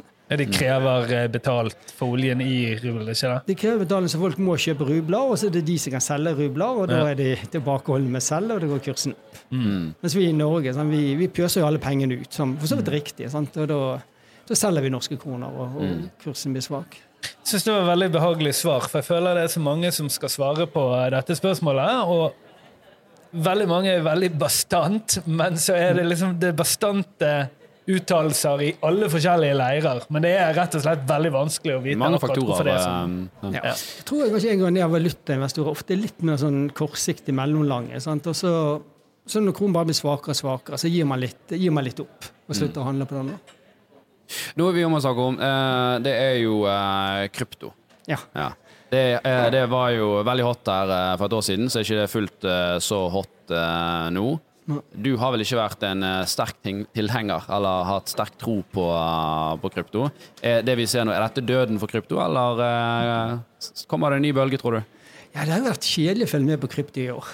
I fjor var det kjempespennende. Sant? Det var hacking eh, to ganger for uken, det var konkurser. Sant? Det var mye som skjedde. I år har ikke det skjedd noe særlig. Men det som har skjedd, så er det viktig å få mer på plass mer regulering. Og I USA så kjeppjager de kryptoselskapene. Sant? Den største, en av de største børsene i verden, Coinbase, sant? de vurderer å flytte ut av, eh, flytte ut av USA. De to bankene som, kunne, som hadde service i kryptoselskapene, Signature Bank, Silicon Valley Bank, sant? de er jo ikke der lenger. Så, så, så du sliter mer i USA med krypto. Så egentlig har det vært motvind. Ser du på bitcoin-prisen, så har det vært sterk. Men går det mer detaljer, så ser du Binance-børsen Det har overtatt veldig stor andel av omsetningen på, på, på bitcoin. Mm. Så jeg syns ikke at det, Altså, ja, jeg syns ikke ting endrer seg. Sant? Det, altså, Bitcoin det løser, problem, det løser problem som ikke du har. Sant? Betalingsoverføring. Så du Ja, du, fikser du for 50 år nomineres jo fortsatt i dollar. Altså, sant? Ja. Så du havner jo tilbake igjen eh, Det, det er jo det vi liksom måler det. Sant? Har, har bitcoin-kursen gått opp i forhold til dollar? Så altså, hvordan skal det erstatte det, altså Fiat-valuta? Hvis du hele tiden altså Det må jo være den dagen du begynner å kjøpe Eh, altså en, en liten bitcoin-del heter jo en satoshi. Sant? Den dagen du sånn Du går og kjøper en øl her borte, og det, du snakker ikke om liksom, hvor mange dollar eller kroner koster denne, den koster tolv satoshi. Sant? Du, da du eventuelt er der at du erstatter uh, det pengesystemet vi har i dag. Eh, Men du vil vel alltid sammenligne det med alternative eh, pengekilder? Gull. Ja, kanskje, men du, du regner jo ikke i dag eh, når du kjøper en øl her borte, så regner ikke du hvor, hvor mange gull koster denne her mengden jeg betaler i, i Fiat-penger. Nei, nei. nei, nei. Så. Nei, det er jo mange som bruker den bankkrisen i USA som eh, grunn... Det er vel den som kanskje gitt initiativ til at eh, bitcoin-prisen har steget så mye. Sant? For nå fikk man endelig rett. Du kan ikke stole på bankvesenet. Og det, det var interessant, for det var den første gang vi ser en sånn motkorrelasjon. For ellers har jo det korrelert veldig med aksjemarkedet, eh, bitcoin generelt. Da. Men her var det jo en slags mistillit i banksektoren som gjorde at nå ville pengene over i andre ting, og så så vi at bitcoin har vel steget en 80 eller hva det er i år. Så er jo, er jo en del. Ja da, for jeg hører på en av de bitcoin-podkastene jeg hører på. De spiller, jeg starter hver episode med at Limen gikk konkurs. Laget en sånn film, nei, sånn sangsnutt der. Mm. Så dette er liksom drømmen. Sant? Enda viser bankvesenet at det ikke funker. Sant? Og klart, Bankvesenet hadde gjort veldig mye rart, men, eh, men da stilte myndighetene opp for dem. Sant? De gjorde ikke det når FTX og andre gikk i konkurs. Sant? Da måtte folk ta tapet. Men her tok jo myndighetene ordnet opp. Sant? Og, og selv de bankene som gikk konkurs, sånn som Silicon Valley sant? Hvis analytikerne hadde lest i regnskapet, så kunne de sett i september i fjor at de hadde egenkapital på 15 milliarder dollar, og så hadde de tap på langsiktige obligasjoner som var litt mer. Så du kunne egentlig se at de var konk da. Men ingen brydde seg om det. Ja, du brydde seg ikke, eller bare letet ikke? Um, altså, de, de flinkeste kunne nok se det, men det var egentlig mer sånn det går over. Sant? For, for det er ikke tap. Det er tap i den forstand at du får lavere avkastning de neste ti årene for du har en dårlig investering der. Så det lukket litt mer øynene for det. Jeg har, jeg har et spørsmål. Du er jo her på vegne av Nordea, ikke sant? Ja. Hvilke banebrytende fintech-prosjekter har Nordea på gang? Nei, altså klart, Det er ikke oversikt helt over hva vi gjør. Vi har ulike avdelinger som, eh, som investerer, investerer i det. Sant? Så vi har ulike tax. Jeg har ikke oversikt over, eh, Ja. over fullstendig hva vi har. Det har jeg ikke. Robert, dette var kjempespennende. Håper vi kan få snakke mer senere. Eh, kos deg på festivalen, og lykke til på talken din. Eh, Ja. Du skal vel snakke om generativ AI og hvordan dette disrupterer eh, Eller er en industriell revolusjon, da. Så det må vi få med oss. Ja, jeg tenker Det er hyggelig for å være med her. Veldig spennende. Ja. Her går det bra, det med deg, radio, Alf? da. Hvordan er det med deg? Det går veldig, veldig bra. Eh, jeg syns det er gøy å få snakke med liksom forskjellige Det er profiler. eh, sant? Og vi ser nå har vi allerede neste gjest her. Eh, Daro fra Dintero. Nei, nei, nei, nei, nei. Kjør på. Pausen er mest slitsom. Da må vi tørre snakke. Ja. Du skal få lov til å sette deg litt nærmere foran mikken her. Bare Sånn. ha et sånn intimt forhold til den. Ja. der, Ja, veldig bra. Yes. Daro, du er jo eh, CEO og eh, co-founder, eller hovedfounder av Dintero. Co-founder. Ja. Kan ikke du eh, fortelle litt om deg sjøl, og hva er det Dintero gjør? Og Ja. Uh, yes, uh, navnet takk for at jeg fikk komme hit. Uh, ja, vi Litt om meg, da. Min bakgrunn er nå at jeg har en sånn teknisk bakgrunn. Og så har jeg så kommersiell bakgrunn fra NTNU. Og så starta vi faktisk et selskap som heter DSafe når vi var ferdig med studiet. Som jobba innom retail og litt fintech. eh, D-safe. DSafe, ja. Ja. Og det ble kjøpt opp av Bambora i Sverige i, etter seks år. Så i Bambora så jobba de med betaling, da. Og så jobba jeg og en han som jeg starta selskapet med, som heter Frode. Jeg jobba der i to år, og så starta vi på nytt, da, som er Dintero. mm. Så Og hva, hva, hva, er Dintero? Eh, Dintero, altså det vi så, da, det er at eh, mange småkunder, bedrifter, eh, hadde problemer med å forstå alt innen betaling, for at det skjedde så mye fort. mm. Det kom mange nye betalingsmetoder. Du har eh, kortbetaling, som er vanlig, og så kom Klarna med Buy Now Pay Later, utsatt betaling. Og så kommer Vips, og så er det Mobile Pay, Swish, og så har du Apple Pay. Så det begynner å bli ganske mye da, for en liten kunde å forstå alt. Mm. Så det, ideen til Dintero var å hjelpe de kundene med et one stop shop. Du tar kontakt med oss eh, i en integrasjon, ikke bare tekniske, men også kommersielle. Så du får søke, søke hos oss, da, alle betalingsmetoder du ønsker det. Så du kan bygge din egen checkout, og så gjør vi alt for kunden. Så dere er en eh, mediator mellom alle betalingsmidler og en eller annen eh, liten lokalbedrift, f.eks. Ja. Jeg eh, antar det er, er det fysiske betalinger, eller er det hovedsakelig Nei, det er hovedsakelig nett. Men eh, under korona så var det mye som skjedde, da. i forhold til endringer. Eh, vi så at veldig mange restauranter gikk over til QR-kodebestillinger. Mm. Og da fikk vi kanskje ti partnere, flere hundre restauranter som brukte vår betalingsløsning. Men det var via partnere, så veldig mye av den netthandel, betalingsmetoder, ble brukt i fysisk handel også. Mm. Og så var det mange kjeder som eh, bruk, eh, tok i bruk VIPS under korona.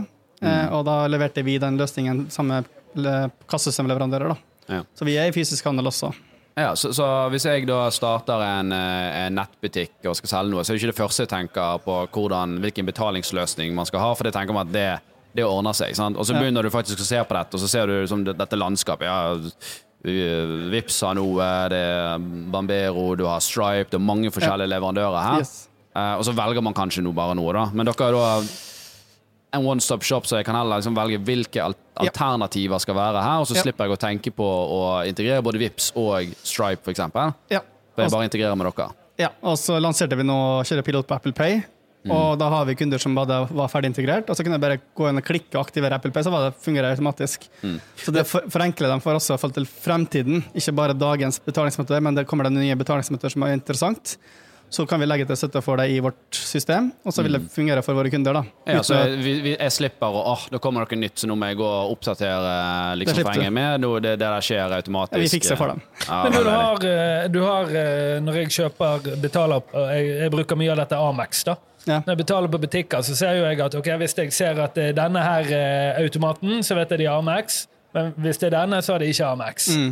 Så jeg, jeg ville jo trodd at det så- var sånn fra før at man velger en eller annen løsning hvor det er implementert forskjellige betalingsløsninger. Mm. Eller sitter Rema 1000 her og liksom vurderer hvilke betaling... Nei, men det er mange leverandører, da. Og så sier Rema 1000 skal nei, men vi skal ta i bruk Vips, hvordan skal vi gjøre det? liksom? Ja, Og så begynner begynne å snakke Ja. med Vips, kanskje du må gjøre en ny integrasjon. Og det koster mye penger, da. Bare den tekniske biten, men også det kommersielle. Hvilken pris skal vi Mm. få? Og for SMB-kunder, da, småkunder, så har de ikke mye forhandlingsmakt heller. Nei. Så det ender med at de betaler mye mer enn de store kunder. Og det vi har gjort, er at vi har forhandla fram en god priser på vegne av SMB-kunder. På Vips og kort og alt. Ja, så er det veldig sånn viktig Hva er fokuset ditt? Sant? Eh, Det er ikke kjerneaktiviteten til Rema å bli verdens beste på betalingsløsninger. Eller, sant? Det, du skal jo produsere en vare og selge den, og så får du noen andre som er veldig gode på akkurat den biten. Ja. Men, men det som var veldig interessant, eh, som du nevnte, dette med eh, Under covid så endret jo betalingsmønsteret seg. Sant? Du gikk og kjøpte en burger på restauranten, og så måtte du ha en QR-kode. Jeg syns det egentlig var veldig greit. For Du slapp liksom å sitte og vente på en servitør, og du kunne sitte der og bare bla gjennom eh, Ja. eh, menyen. Og jeg, jeg ser jo det er flere eh, restauranter som fortsatt har dette her. Jeg, eh, Men, jeg syns det var helt jævlig. Du, men du, du er så jovial, du vil snakke litt og Han plage disse bruke, han stakkars skal bruke menneskene. MX-kortet sitt, vet du, så derfor han som får Ja, jeg ble provosert. Og så fikk ikke du opp riktig link. Og så nei, det var Ja, det kan være at da er litt øh, dårlige tekniske løsninger ute der, da, men opplevelsen er helt annerledes. At du slipper å vente på å betale. Det forenkler veldig mye. Så jeg tror det er veldig mange som likte digga QR-kodebestillinger. Mm. For du slipper veldig mye hessel, da. Eh, Men det, vi ser nå at eh, Det må jo være en effektivitetsgevinst for bedriften der òg. ja, ja, at servitørene kan fokusere på å hjelpe kunder med mat og sånn, istedenfor å ta betalt og vente på å ta betalt. Ja, for det er jo ikke det som er realiteten. Det er jo bare at de kutter stabben, tjener Altså uten at det tilfaller deg noe særlig. Jeg har aldri følt at disse her, eh, disse her løsningene her gagner meg som, som kunde med service. Men det spørs hvordan restauranten vil drive, da, om at den vil fokusere på å spare kostnader eller uh, ha bedre service. Mm. Vi ser nå også at etter korona så har mange kuttet det ut da, pga. grunn av at det har blitt redusert volum. Fordi å betale med en bankterminal med bankaksept er mye billigere enn et annen betalingsmetode, Vipps eller kort. Ja, det er jo litt interessant, for vi har jo som du sier bankaksept, som er en litt sånn særnorsk løsning. ehm, som er en sånn veldig billig eh, måte for, eh, for banker i. Norge å, å sende penger. Og, og det, det er sånn veldig rart. og det i utlandet kan det gjerne koste 3 eh, å gjøre en betaling, mens her er det jo liksom 0, et eller annet. Det er bare eh, 10-15-20-50 øre, så det er ganske mye billigere. Ja. Så, ok, så det er det som eh, Det er det som grunnen til at jeg, jeg, jeg tenkte det, dette må jo ha kommet for å bli, og jeg, i motsetning til deg to, så synes jeg det var kjempegreit, for jeg slapp å sitte og vente og irritere meg om når denne servitøren kom, og, og jeg kunne liksom se en oppdatert meny da, og gjøre valget min, og er du ferdig med betaling, slipper på vente i ettertid. da. Men jeg tror den totalbesparelsen med å bruke QR-kode og betaling der er mye større enn å altså, spare én krone eller to kroner på en betaling. Mm. For at fem minutter eh, for en ansatt besparelse er det ganske mye med enn par kroner. Ja, men altså, alt av, alt av mersalg og sånne ting forsvinner jo også i den prosessen. Ja, men det som går an, er at eh, servitøren kan hjelpe deg å legge til altså mersalg, da, den biten, mens selve betalingen kan jo være at du slipper å ha en terminal. Ja. At du kan bare betale med en gang etterpå. Eh, Nå, jeg var inne og så litt på Jeg kjenner jo litt til selskapet, men jeg var inne og så litt på hjemmesiden nå. Dere har jo noe som heter bl.a. blant annet Split eh, Ja. Payments. Kan ikke forklare det? Yes, det er det som er mest spennende av våre tjenester i dag. Eh, så det vi ser er at kundereisen fremover vil endre seg. Eh, for eksempel så kan du bestille en pakke, da, så du skal reise fra A til B. Og så Istedenfor at du skal bestille taxi her, og så skal du fikse bussbillett eller togbillett, og så skal du ha noen andre billetter, istedenfor å betale to-tre ganger, så kan du bestille alt fra én leverandør og betale én gang. Og så vil vi splitte, avhengig av hvem som selger varene. Så da kan eh, mange selskaper, startups til etablerte lage nye kundereiser, som ikke er mulig i dag. Så Altså, Ja, for, så så jeg, jeg, nå skal jeg ut og reise, og det, dette er jo Pyton. Jeg finner et hotell, ok, jeg må fram med kredittkort Ja. eller kort og bestille det. Ja. Og Jeg skal ha flybilletter, enda en gang fram og gjøre en betaling der. Ja, vi skal ha transport til og fra, eller whatever. sant? Ja. Det må gjerne opp med kortet tre ganger her, da, Ja. eh, når jeg sitter og styrer. Det, det tar en hel kveld, det der. sant? Og, Ja. og gjennom. Men, men her kan du da sitte bare egentlig og Vi skal fly der. Vi skal bo på det hotellet, vi trenger eh, den transporten, vi skal ha sånn der. Ja. Når jeg har valgt alt, så kan jeg liksom betale én gang, og så Ja. er jeg heter ja, ikke det chartertur? teknologien bak. Hæ? Hva sa du? Heter ikke det chartertur i dag? ja. Nei, men det er ikke bare reise, da. Men hvis du tenker på Fodora, da, ja. så kan du bare bestille fra én restaurant om gangen. Mm. Har ikke dere prøvd det? Men med vår løsning kunne du bestilt fra fem restauranter og bare betalt én gang. ja, ok. Så hvis det er burgeren herfra og pommes fritesen derfra, så Og budet koster fortsatt 39 kroner. Ja, Det er jo spennende. Det er sikkert veldig mange, mange brukerløsninger. Nei, men det, er, det er sånn spesielt bra for markedsplasser eh, hvor du skal kjøpe fra forskjellige selgere da, fra et sted. Og så kan vi på en måte automatisere hele den pengeflyten. Hvor mye penger skal til den selgeren, hvor mye skal til fraktselskapet. Alt kan bare automatiseres med split payment-løsningen. Mm. Så det, det er mange nye konsepter, eh, altså mange nye typer konsepter, ikke bare reise, men eh, alt av bestillinger fra markedsplass. Men har du et eksempel hvor dette benyttes i dag? Vi har nå Vy som en kunde, så alltid bestiller via Vy-appen. Den går nå via vårt system også. Eh, på ordrehåndtering, så for eksempel bestiller taxi, så kan de splitte. Noe skal til sjåføren, noe skal til taxisentralen, Ja. noe skal de ha en cut. Mm. Så det er mange, mange brukerscenarioer, da. Ja, Jeg skjønner.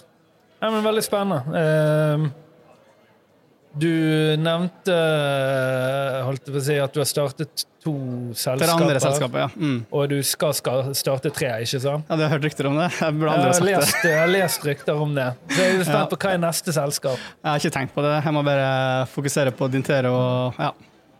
For du begynte Før du startet et eneste selskap, så hadde du en plan om å starte tre. Jeg hadde liksom satt et mål om å starte, gjøre det tre ganger, da. Mm. Men jeg grunnen for at du sa det høyt, for å sette press på meg sjøl. At jeg bare, bare slappe av. Så jeg, Bordet det. fanger, som de sier. Altså. Ja, det, er jo, det er jo spennende for eh, investorer å vite at du skal gjøre en exit i, i dette, ikke sant? Ja, eller beholde det og så starte et og starte det går an å flere selskap samtidig. Så, men ja, må bare komme et steg på vei først. mm, Hvor mange kunder eh, er dere i dette selskapet? Hva var omsetningen i 2022? Fortell Nei, litt vi tall. da. hadde, vi hadde ca.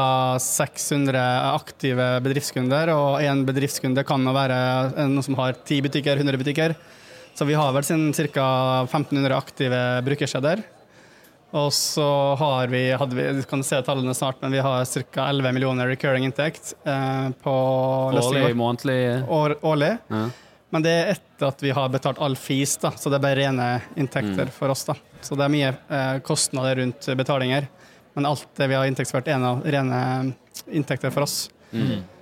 Så hvis du sammenligner med andre betalingsselskaper, så kan halvparten eller tre fjerdedeler gå til gebyrer til tredjeparter, som, som ikke er inntekt. da. Du sa 11 mill. Hva, hva er målet i 2023? Eh, Jeg ønsker bare vite litt om farten på Nei, dette prosjektet. vi skal på en måte ikke Vi er ikke sånn hyperscaling, eh, det er ikke det vi skal gjøre. Så vi vokser sakte, men forsiktig. Ja. Og vi har ikke mål om å ansette 50-100 stykk, så det er mer om å finne bra kvalitet på de ansatte. Så vi er rundt 20 nå, så skal vi ha et par stykk til i år. Og så skal vi så vokse. Men eh, hele poenget med vårt selskap og strategi er at eh, betaling handler veldig mye om volum. Så ikke om å være mange mulig, færrest mulig, og kunne betjene mange kunder. da.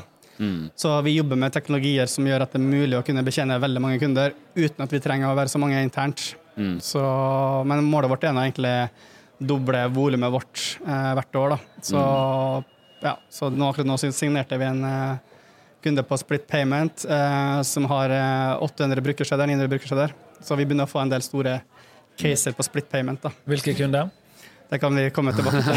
Men, eh, Fra Bergen. Du, du, du, du, eh, du, du nevnte jo eller Det var en veldig bra sånn Segway for å gå inn i litt som det som har vært gjennomgående temaet her. Sant? Eh, Ny teknologi for å effektivisere bedrift. Ja. Eh, vi har jo snakket mye om AI med de tidligere gjestene.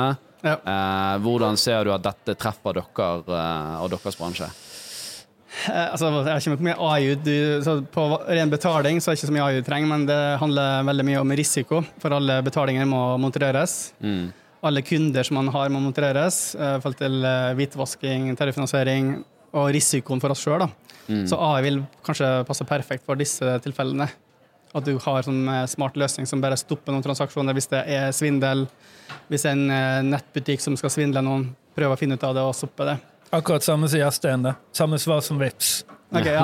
Yes. Har de vært der, ja? Da, da, da får vi se, for Vips, eh, det var jo veldig interessant å snakke med de, men de, jo sånn, de skal fusjonere nå, og det er fokuset, og de er jo blitt ganske stor uh, allerede. Eh, og vårt, liksom, det vi pushet litt på, ja, forsvinner litt i den innovasjonsgraden nå når det er så stor. og hvordan ser dere på det altså nå når markedet endrer seg? Skal dere inn i metaverset? Skal dere begynne med krypto? Altså, la, ser dere, hvordan ser Dintero ut om ti år? Ja, altså Krypto har vi nå tenkt på, men eh, vi jobber nå etter et etterspørsel fra våre kunder. Og ingen av våre kunder har etterspurt eh, krypto. Mm. Så da har vi ikke måte, brukt tid på det. Kundene våre har etterspurt kan dere også legge til Klarna i sjekkouten vår. Og da gjør vi det nå, så vi skal lansere det og kjøre pilot snart. Kunder har etterspurt Apple Pay, klar, og da har vi lagt til støtte for det. Så det er mer sånn kundeorientert utvikling. da. Mm. Så hvis de vil ha krypto, så gjør vi det. Deilig. Deilig med, med, med på en måte etterspørselsbasert utvikling. Ja, ja. Så det er ikke vits å bruke tid på det hvis ikke kunder vil ha det. Så Men så er det litt sånn, vet kundene at de vil ha det før de har fått det? Ja, det er den tilnærmingen som ikke er deilig. Jeg ja, tror men, hvis jeg Altså, ser, men jeg ser, noen, jeg ser noen del utfordringer med krypto. da.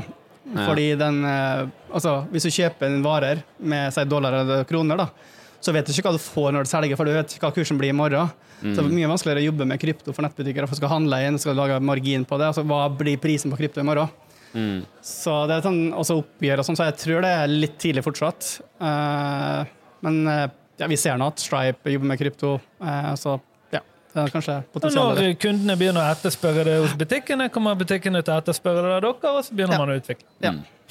Uh, siste sak vi har snakket med. Dere har jo òg noe sånn loyalty-program. Kan ikke fortelle litt om hva det innebærer? Jeg tenker at altså, Når vi har split payment, så ofte så er det tech-selskaper som skal lage en ny kundereise. Altså, bestille si, mat, eller det kan være bestille reise. Og så vil de også trenge lojalitet etter hvert. Så eksempel så kommer de i gang med betaling, lanserer din app, en din løsning. Så hvordan skal du beholde kundene dine? Så som Fodora, de lanserer en eh, app for eh, bestilling av mat, og så kommer konkurrenter. Hvordan skal du beholde dem? Da har vi lojalitet. For eksempel kan de sette en regel at eh, hvis de besøker oss fem ganger, så skal de få en vare gratis, eller klippekort, eller få kunder tilbake igjen. Da. Så vi hjelper dem med mersalg og beholde kunder inn i sin plattform. Ja, Ja, for det, dette har jo vært en trend, jeg vil si særlig de fem siste årene. At Hvis jeg skal på Carlings og kjøpe en bukse Mm. Så sånn, «Ah, du er medlem, og du skal ha nummeret ditt, og så skal de sende deg ting. Ja. Og så hvis du, ja, hvis du eh, Dressmann har det òg. Alle disse butikkene har det. At du får eh, en eh, Neste gang du handler, så får du en liten prosentsats av dette eh, beløpet du handlet for, Ja. som rabatt neste gang. da Ja. Så når neste gang du skal ut og kjøpe en bukse, sånn, ja, men du må jo gå der, for da får jeg 50 kroner avslag. Ja, man har lojalitet, Folk kommer tilbake igjen. Ja. Så Europris er en kunde av oss som bruker vår lojalitet. Så da kan du sette inn kortet ditt. Så kan du ha klippekort eller personrabatt, så får du automatisk rabatten din uavhengig om du handler på nett eller butikk. Så det, så du må lage en god kundereise og ha klippekort på papir. Altså, det er helt idiotisk. og, altså, medlemskort på plastikk, dette funker ikke. Så du må måte lage en ny løsning. For det var jo før, det var, det var jo det. Vi går ti år tilbake, så var det jo sånne her eh, nattklubber hadde egne sånne her eh, medlemskort. jeg finner jo sånne San Marino-klippekort uh, overalt. ja, men, Hvem er det som husker å ta med seg Ja, papirklippekort? Ja, Eller du skulle på byen, og så hadde du sånn studentkort, sant? og da fikk du litt billigere øl der, eller whatever. sant? Så. Hele poenget er at du må digitalisere den, sånn at det blir på en måte enkelt. Det skal ikke være en sånn uh, terskel for å bruke det. Men der gjøres det som trumf. Der legges inn Yes. i ditt betalingskort. Ja. Ja, det er fantastisk. Men der igjen så forsvinner jo lojaliteten litt. sant? For jeg aner ikke når det slår til eller ei. Ja, men Det kan du vise på sånn display. Du kan vise på kvittering. Hei, du har vært medlem, du har fått 500 kroner rabatt på den eh, kjøpet Ja, okay. her, så du kan Ja. vise fram at du har fått rabatt der. Og så kan du vise på min side. Hei, du har handla her i et år, du har spart så mye penger på å være medlem, da. Daro, ehm, siste ting. Som en, uh, som en uh, gründer som allerede er godt på vei med sitt første eller andre, uh, og du skal bli en seriegründer, til andre som sitter der ute og tenker oi, dette vil jeg òg gjøre. Har du liksom noen råd til eh, unge kvinner og menn som, som tenker ja, jeg vil, jeg vil grunde og skape noe? Jeg tror det er, mange, altså det er ganske mye arbeid da, som eh, må gjøres. Og så tror jeg at eh, jeg, jeg oppfordrer mange folk til å starte for seg sjøl, for jeg syns det er kjempeartig å starte og bygge selskap, eh, fikse problemer i verden. Det er veldig vanskelig å finne ansatte hvis alle skal gå rundt og starte for seg sjøl hele tiden. Ja, men det er ting at Hvis du får med andre nye ansatte som får eierskap, så er de med på å bygge selskapet. Så veldig mange hos oss har noe eierskap i selskapet vårt, så da er det på en måte sammen om å gjøre det. Så jeg, jeg syns det er kjempespennende å bygge, bygge selskap, da. Absolutt. For du har jo Eh, hatt uh, Unnskyld, er vi ferdige nå, eller? Har- vi skal begynne å runde av så vi Ja, rekker siste gjesten. nå. ja, okay. ja, nei, det går, det går fint. Det var et litt lengre spørsmål. uh, kjempespennende. Så Dintero er noe som kommer til å påvirke vårt liv, men det er ikke nødvendigvis noe vi kommer til å se. Uh, Så Vi kommer til å ligge bak, så ingen kommer til å se så mye Dintero. Så hele poenget er at vi skal være sånn hidden payment bak en app eller en plattform. Så konsumenter vil kanskje ikke se det, men vi skal levere de beste betal betalingsløsningene på markedet. Og forenkle for alle sammen. håper du har en fantastisk uh, festival. Uh, du skal vel snakke i dag, uh, Ja. du òg? Debatt, eller diskusjon ble det vel. Ja, Her i fintech-hovedstaden I fintech-hovedstaden Bergen. ja bra. Takk for invitasjonen. Takk skal du ha. Vi snakkes. Da har vi siste gjest her som står klar. Ingen ringere enn eh, Stefan eh, Astrosa, som eh, er CEO i Cicero Consulting, Head of Financial Services i Iteria. Uh, og du er jo, uh, for de som jobber innenfor fintech, så er jo du et, uh, et ansikt som man ikke kommer utenom. Oh, please. Ikke si sånn. uh, men du, du er jo uh, uh, en som virkelig har pulsen opp på hva er det som skjer her av teknologi og, og, og, og, fokuset her i dag med denne podkasten er liksom hvordan vi som forbrukere, hva kan vi forvente i løpet av de neste fem-ti årene her nå?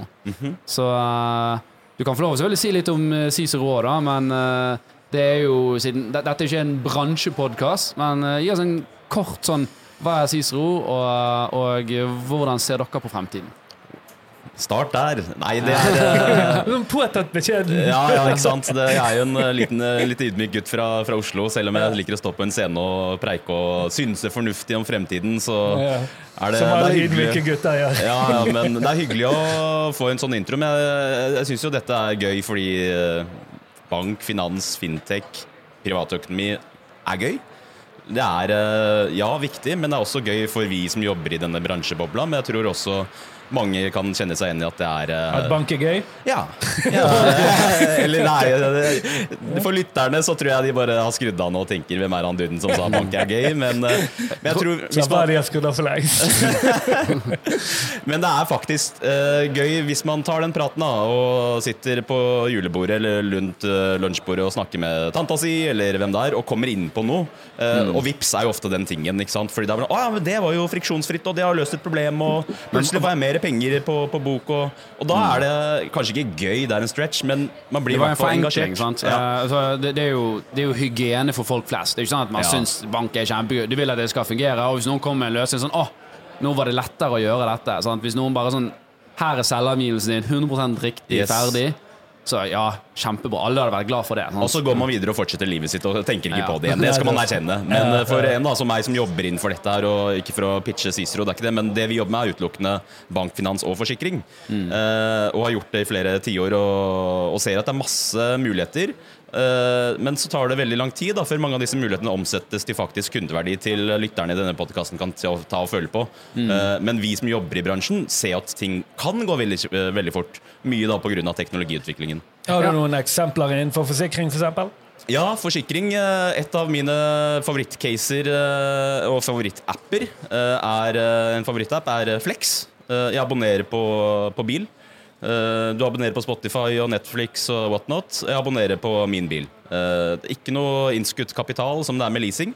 Ja, det er heller ikke behov for at jeg skal ringe og sitte i en eller annen klein telefonkø og få en bilforsikring tegna eh, gjennom å snakke med forsikringsrådgiver. Den er helintegrert, fordi det har noen i fremtid bare fiksa for meg og sånne som meg som ikke er så opptatt av forsikring og bare har lyst på bilen.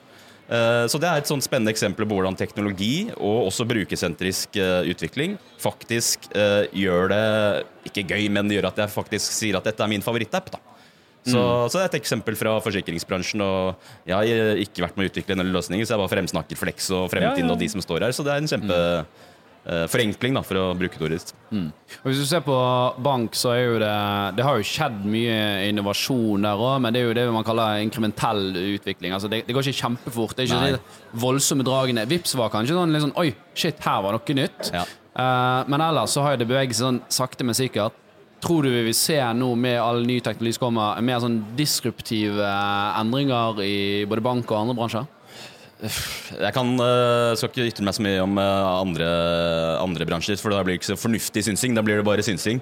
Men jeg tror innenfor eh, bank, finans og privatøkonomi så, så kommer det til å fremdeles gå treigt. Deilig. For jeg trodde du skulle si ja, nå her kommer det til å skje helt Nei, fantastiske nei, ting. ja, det det, det gjør det ikke. Jeg har brent meg før på å hoppe på en sånn hype uh, Du eh, vet, du vet du jobber i Horde, sant? og vi jobber liksom med Ja, men det er enkelte deler av dette spekteret som beveger seg litt raskere, men noen ting går jo veldig sakte. Og det gjør det fordi man tjener godt eh, som etablert bank eller forsikringsselskap. ikke sant? Mm. Why change når du ser at dollargliset til banksjefer og direktører rundt om i Finans-Norge er utrolig bredt, altså. Det går fryktelig godt, så hvorfor skal du endre deg? Ja, ja. det, det er veldig godt poeng, det. Og det er klart at skal du gjøre sånn banebrytende teknologi innenfor, så må du liksom forholde deg til det som folk har i, i dag, og det er disse her bankene. Og, og, og de har jo ikke sånn sterke insentiver for å endre med en modell som, som, som går bra. da. Nettopp. Altså, eh, vi, vi, når vi jobber i Horde, så er det, vi prøver alltid å se liksom, ok, hvordan kan vi gjøre ting på uh, uh, med minst mulig må, må ha med banker å gjøre, eller må kreve at eh, de skal gjøre noe for oss. Ja. Sånn, Vi, må, jo forholde oss til dem, og, og vi samarbeider godt med, med, med flere av dem, men, men uh, Og er klart- politisk eh, korrekt ja, ja, men det, er De jo samarbeidspartnerne våre, Ja. og, og, og vi kan ikke levere bank. Vi kan ikke ha innskuddskonto. Man må samarbeide. Ja, Når vi gjør en betaling, så selger vi bare en betalingsordre til banken. Vi gjennomfører ikke selve betalingen. Mm. Så, så du må jo liksom forholde deg til de uh, dependabilitiesene du har i, i, i markedet. Ja. Men, men hva er det dere opplever at uh, brukerne deres, da, siden dere har hatt en kjempevekst uh, siden dere startet opp, uh, fremsnakker dere også? Altså for en som sitter og liksom, som du sier, synser fornuftig om fremtiden og kan bank, bla, bla, bla. Men dere er jo en som faktisk har fatt en skikkelig reise. Men hva er det dere ser at Hva er det dere, brukerne deres trigger på? Hvorfor klarer dere å skape noe unikt? Nei, det, det, det, jeg tror det handler litt om denne forenklingen. Da. Det vi begynte med, var å gi deg eh, en, en innlogging, så så du alle kredittkortene og forbrukslånene dine ett sted. Sant? Og det var jo ganske nytt når, eh, når, når- det eh, kom. Og, og, og det var mange Vi gjorde litt sånne her, uh, tester på det. Det var sånn åtte av ti hadde flere kredittkort enn de faktisk var klar over. Oi, ja. Um, så det var jo òg liksom Fikk man litt sånn traction på at folk var litt sånn nysgjerrige og ville inn og se. da um, Jeg vil kanskje tenke en ting vi har lykkes med, er uh, intuitiv visualisering av, av ting som har vært litt trasig tidligere. Da.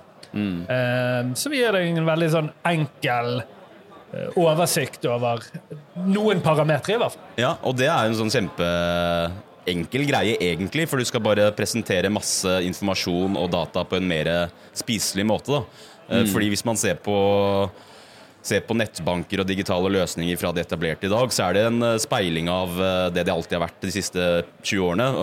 Og- så er det veldig fokus på det som har vært, og veldig lite på det som er fremover. Og det tror jeg er da eh, liksom, Hva er det man kan forvente seg som forbruker, eller kanskje håpe på kommer, i hvert fall jeg det, er jo at noen eh, der ute kan bare fikse det at jeg kan få noen eh, personlig skreddersydde gode råd om hvordan jeg kan bli en bedre utgave av mitt privatøkonomiske jeg. da.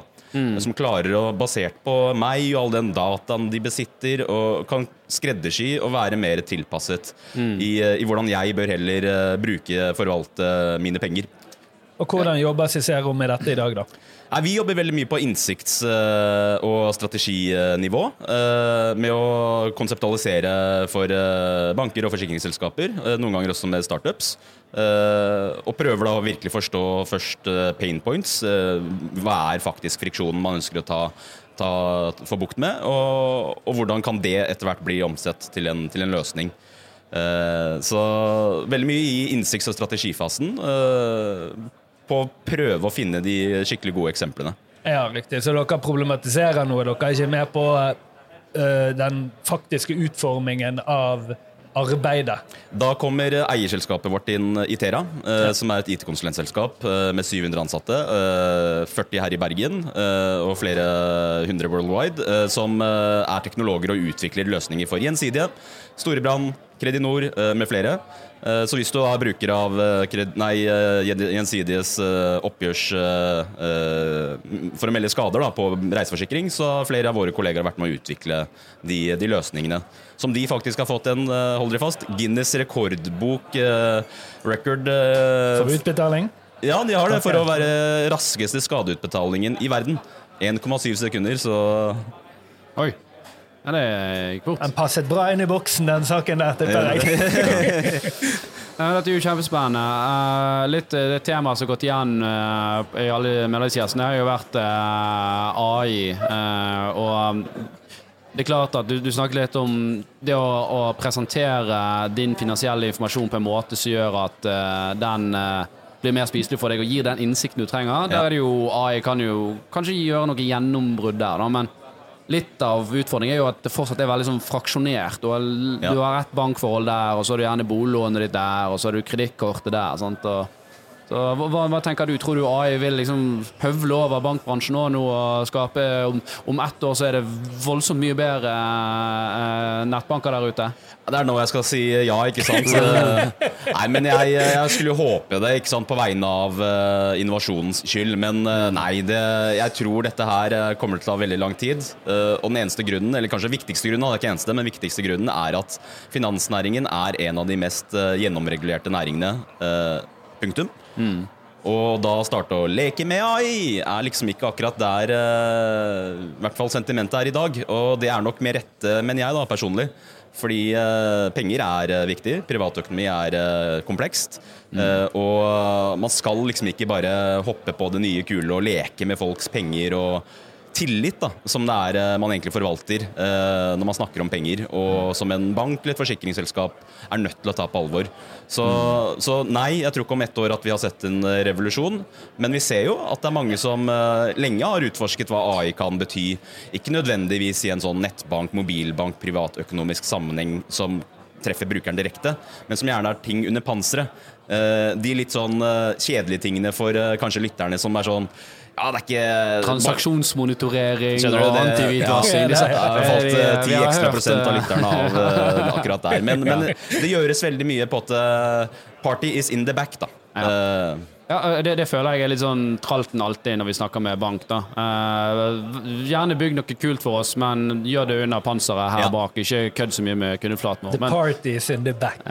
men, men selvfølgelig, vi, altså, det, det er sånn forskjell med hva er mandatet og, og meningen med et selskap. Og og vi, vi i Horde vi, vi jobber jo mer i den kundefronten og ser jo nå med hvordan vi skal implementere AI for å gjøre disse tingene, men vi kan ta på oss en helt annen Eh, altså, vårt mandat er liksom å innovere og, og, og eh, skape nye tjenester der. Ja. Så, så det blir jo eh, veldig interessant å se hvordan Først og fremst dette prosjektet vi holder nå, hvordan det vil gå. Eh, og eh, ja, nei, det, jeg, jeg tror det håper at vi kommer til å se eh, noe, noe bra eh, påvirkning derfra. Ja, men det jeg tror også som gir deg litt sånn uh, nytt uh, nivåer og mer vind i seilene, er jo selvfølgelig, som de sikkert har pratet om ganger, uh, GPT4, ikke sant, som har nå har kommet og legger eh, lista på hvor bra f.eks. kundeservicehenvendelser eh, kan være fra en bank eller forsikringsselskap. Du har en skikkelig use case i at det der er faktisk en kjempegreie. Alle, meg inkludert, har eh, fasilitert et par paneldebatter de siste par dagene under festivalen her, og da da har jeg selvfølgelig da brukt ChatGPT i forberedelsene. Og For for å stille spørsmål til kompetente folk som skal stå og snakke om Ja, eh, fremtidens finans. Så, og det er liksom jeg som et menneske som bare stiller et spørsmål. Ok, tre minutter, da er jeg klar for å gå på scenen og skikkelig For meg er det mind-blowing at man klarer å faktisk ha det så, så bra i en sånn kontekst. Når er det det overføres til bank eh, og finans, så tror jeg vi kommer til å se masse uh, Mange nye steg da, som tas innenfor AI spesielt. Og du har ikke måttet pusse på disse spørsmålene? Nei, Ah, det, det, det Genialt. jazza jeg på scenen, men eh, jeg gjorde ingen eh, tilpasninger i spørsmålet. Så de åtte spørsmålene jeg hadde med, de var eh, good to go, de, altså. Okay. Spørsmålet blir jo uh, da om uh, Litt av grunnen til at bank er veldig lukrativt i dag, det, det har jo vært en kostnadseffektivisering der òg. Det er jo ikke mange Nei. banklokaler rundt i byen lenger. Sant? At kundereisene er mer og mer digitale. Eh, men det har fortsatt trengt, trengt et, et kundebehandlingsapparat. Ja. Og så er jo spørsmålet om man klarer å kutte da, den eh, deler av det apparatet òg, da. Så kan Ja. jo disse bankglisene bli enda Ja. ja. bredere. Men det tror jeg jo. eh, og det er jo, det er jo som du sier, det er jo den reisen man har vært på lenge, og det tror jeg kommer til å fortsette også. Eh, og med all respekt, altså, jeg har jo selv jobbet på kundesenter, og der jeg startet eh, mitt arbeid innenfor forsikring. Eh, men jeg tror den rollen kommer til å endre seg radikalt. ikke om ett år eller to år, men på, på sikt så er det store endringer i hvordan man behandler kunder fysisk. Ja, den har vi på en sett omveltningen. Du, du ser ikke filialer på ethvert gatehjørne. Det må du til Spania. Da er det apotek og bankfilialer på ethvert gatehjørne, men det er ikke det ellers i Norge, da. Eh, og, men da er det digitalt man får behandlingen, men det tror jeg kommer til å virkelig endre seg hvis vi tar det på langen. I det fem pluss år så tror jeg det har virkelig skjedd store endringer på hvordan man agerer eh, med, med banken eller forsikringsselskapet Deilig, sitt. deilig og nøkternt svar, føler jeg. Er liksom, jeg føler folk trenger på meg nå at neste måned er hverdagen, hverdagen helt annerledes. Så det, det er vanskelig for meg å kjøpe det. Men det svaret der det var mer liksom I det tempoet jeg, jeg også føler det Ja, kommer men til jeg tror man skal være litt ærlig på det, at eh, ting tar tid uh, i denne Let's face it, nå så er bank var kult i stad, men det er jo en traus bransje også, egentlig. Så ting tar tid. Business is booming. Da ja, why change? Ja. Eh, siste tema før vi må begynne å runde av her i dag. Eh, krypto eh, er jo òg noe som påvirker eh, denne bankbransjen, eller skal i hvert fall gjøre det. Og så, så har jo det hatt sine vintrer og, og vår. Eh, nå er det jo tøft å være kryptoselskap i USA, mens eh, i EU så kommer det en ny regulering som skal legge til rette for dette. Ja. Ser du en framtid for eh, krypto? Eh, åpenbart. Eh, jeg tror ikke man kan avskrive noe som har vært gjennom en vinter og en vår og er en vinter til, og så venter man på våren. Da tror jeg at eh, selv skeptikerne skjønner at det er eh, det er kanskje ikke alt eh, som eh, man har spådd eller trodd i tidligere oppgangsperioder som kommer til å vedvare, men jeg tror det er den der resiliensen man har sett til Kryptobevegelsen er litt sånn flåsete å kalle det, men krypto, blockchain, metaverse, AI i en sånn større paraply, paraplybegrep kan man ikke avskrive. Eh, men så er jeg veldig spent da, personlig på, eh, som vi eh, jobber med i, vårt virke, på Ser vi nå holdningsendringer til den nye generasjonen i hvordan man skal bygge velstand? Eh, tror man nå at krypto er liksom snarveien til, til boligdrømmen, eller til ikke minst eh, Det, det, det er jo rikdom? bare spekulasjon. da. Altså Man kan jo spekulere i derivater og aksjer og, og alt mulig rart. eh. Ja, det er, det er et godt poeng, men det forskjellen nå er at nå har man sett at det har kommet på mange nye som investerer og blir kjent med det å plassere penger eh, for første gang gjennom eh, veldig risikofylte produkter. Og da er jeg nysgjerrig på Kommer man til å tro da at Særlig de som har laget en formue på dette. eh, at det er eh, Oi, det var så lett, og så lett skal, skal det være. Men har man mer tradisjonelle finansielle produkter, så er det ikke en sånn avkastning man kan forvente realistisk sett. Da. Så jeg er veldig spent, har ikke svaret, men på hvordan eh, atferdsendringene og holdningene til nordmenn generelt, og de unge spesielt, kommer til å utvikle seg i lys av eh, både the boom, men også the bust med, med krypto, og, og den nye reisen som kommer. Kjempespennende. Har du en hypotese, eller? Jeg tror da at uh, generasjonen, uh, foreldregenerasjonen har, uh, er mer nøktern og, til hvordan velstand skal bygges og demokratiseres. og at vi kommer til å se en yngre garde nå som ikke fordi de ikke har de samme mulighetene som eh, foreldregenerasjonen til å kanskje få seg en bolig, i hvert fall innenfor de store byene pga. boligpriser og, eh, og markedsuro nå, da. Mm. til at man nå eh, kommer til å ikke finne snarveier i livet, men finne hvordan hacker man dette? Hvordan får jeg en edge? Yes. Veldig spennende. Jeg også syns det er eh, veldig fascinerende å følge med på. Og spørsmålet er om eh, blir eh, krypto noe som faktisk påvirker eh, dagliglivet vårt, eller blir det bare en asset sånn som du kan handle i gull? Sant? Eh, det er jo òg eh, får vi framtiden vise. Eller tar det hatten sin og går. ja. Det er kjempebra at du kunne være Stefan. Takk for tiden din.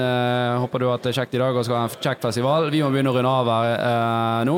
Jeg vil si tusen takk til NC Finance Innovation som har satt i stand denne fantastiske eh, fintech-festivalen i fintech-hovedstaden uh, Bergen. Denne podkasten er jo sponset av Horde, som dere obviously ser. Uh, last ned appen, uh, spre det glade ord, og tusen takk for oss. Takk for meg. Takk for at jeg kom.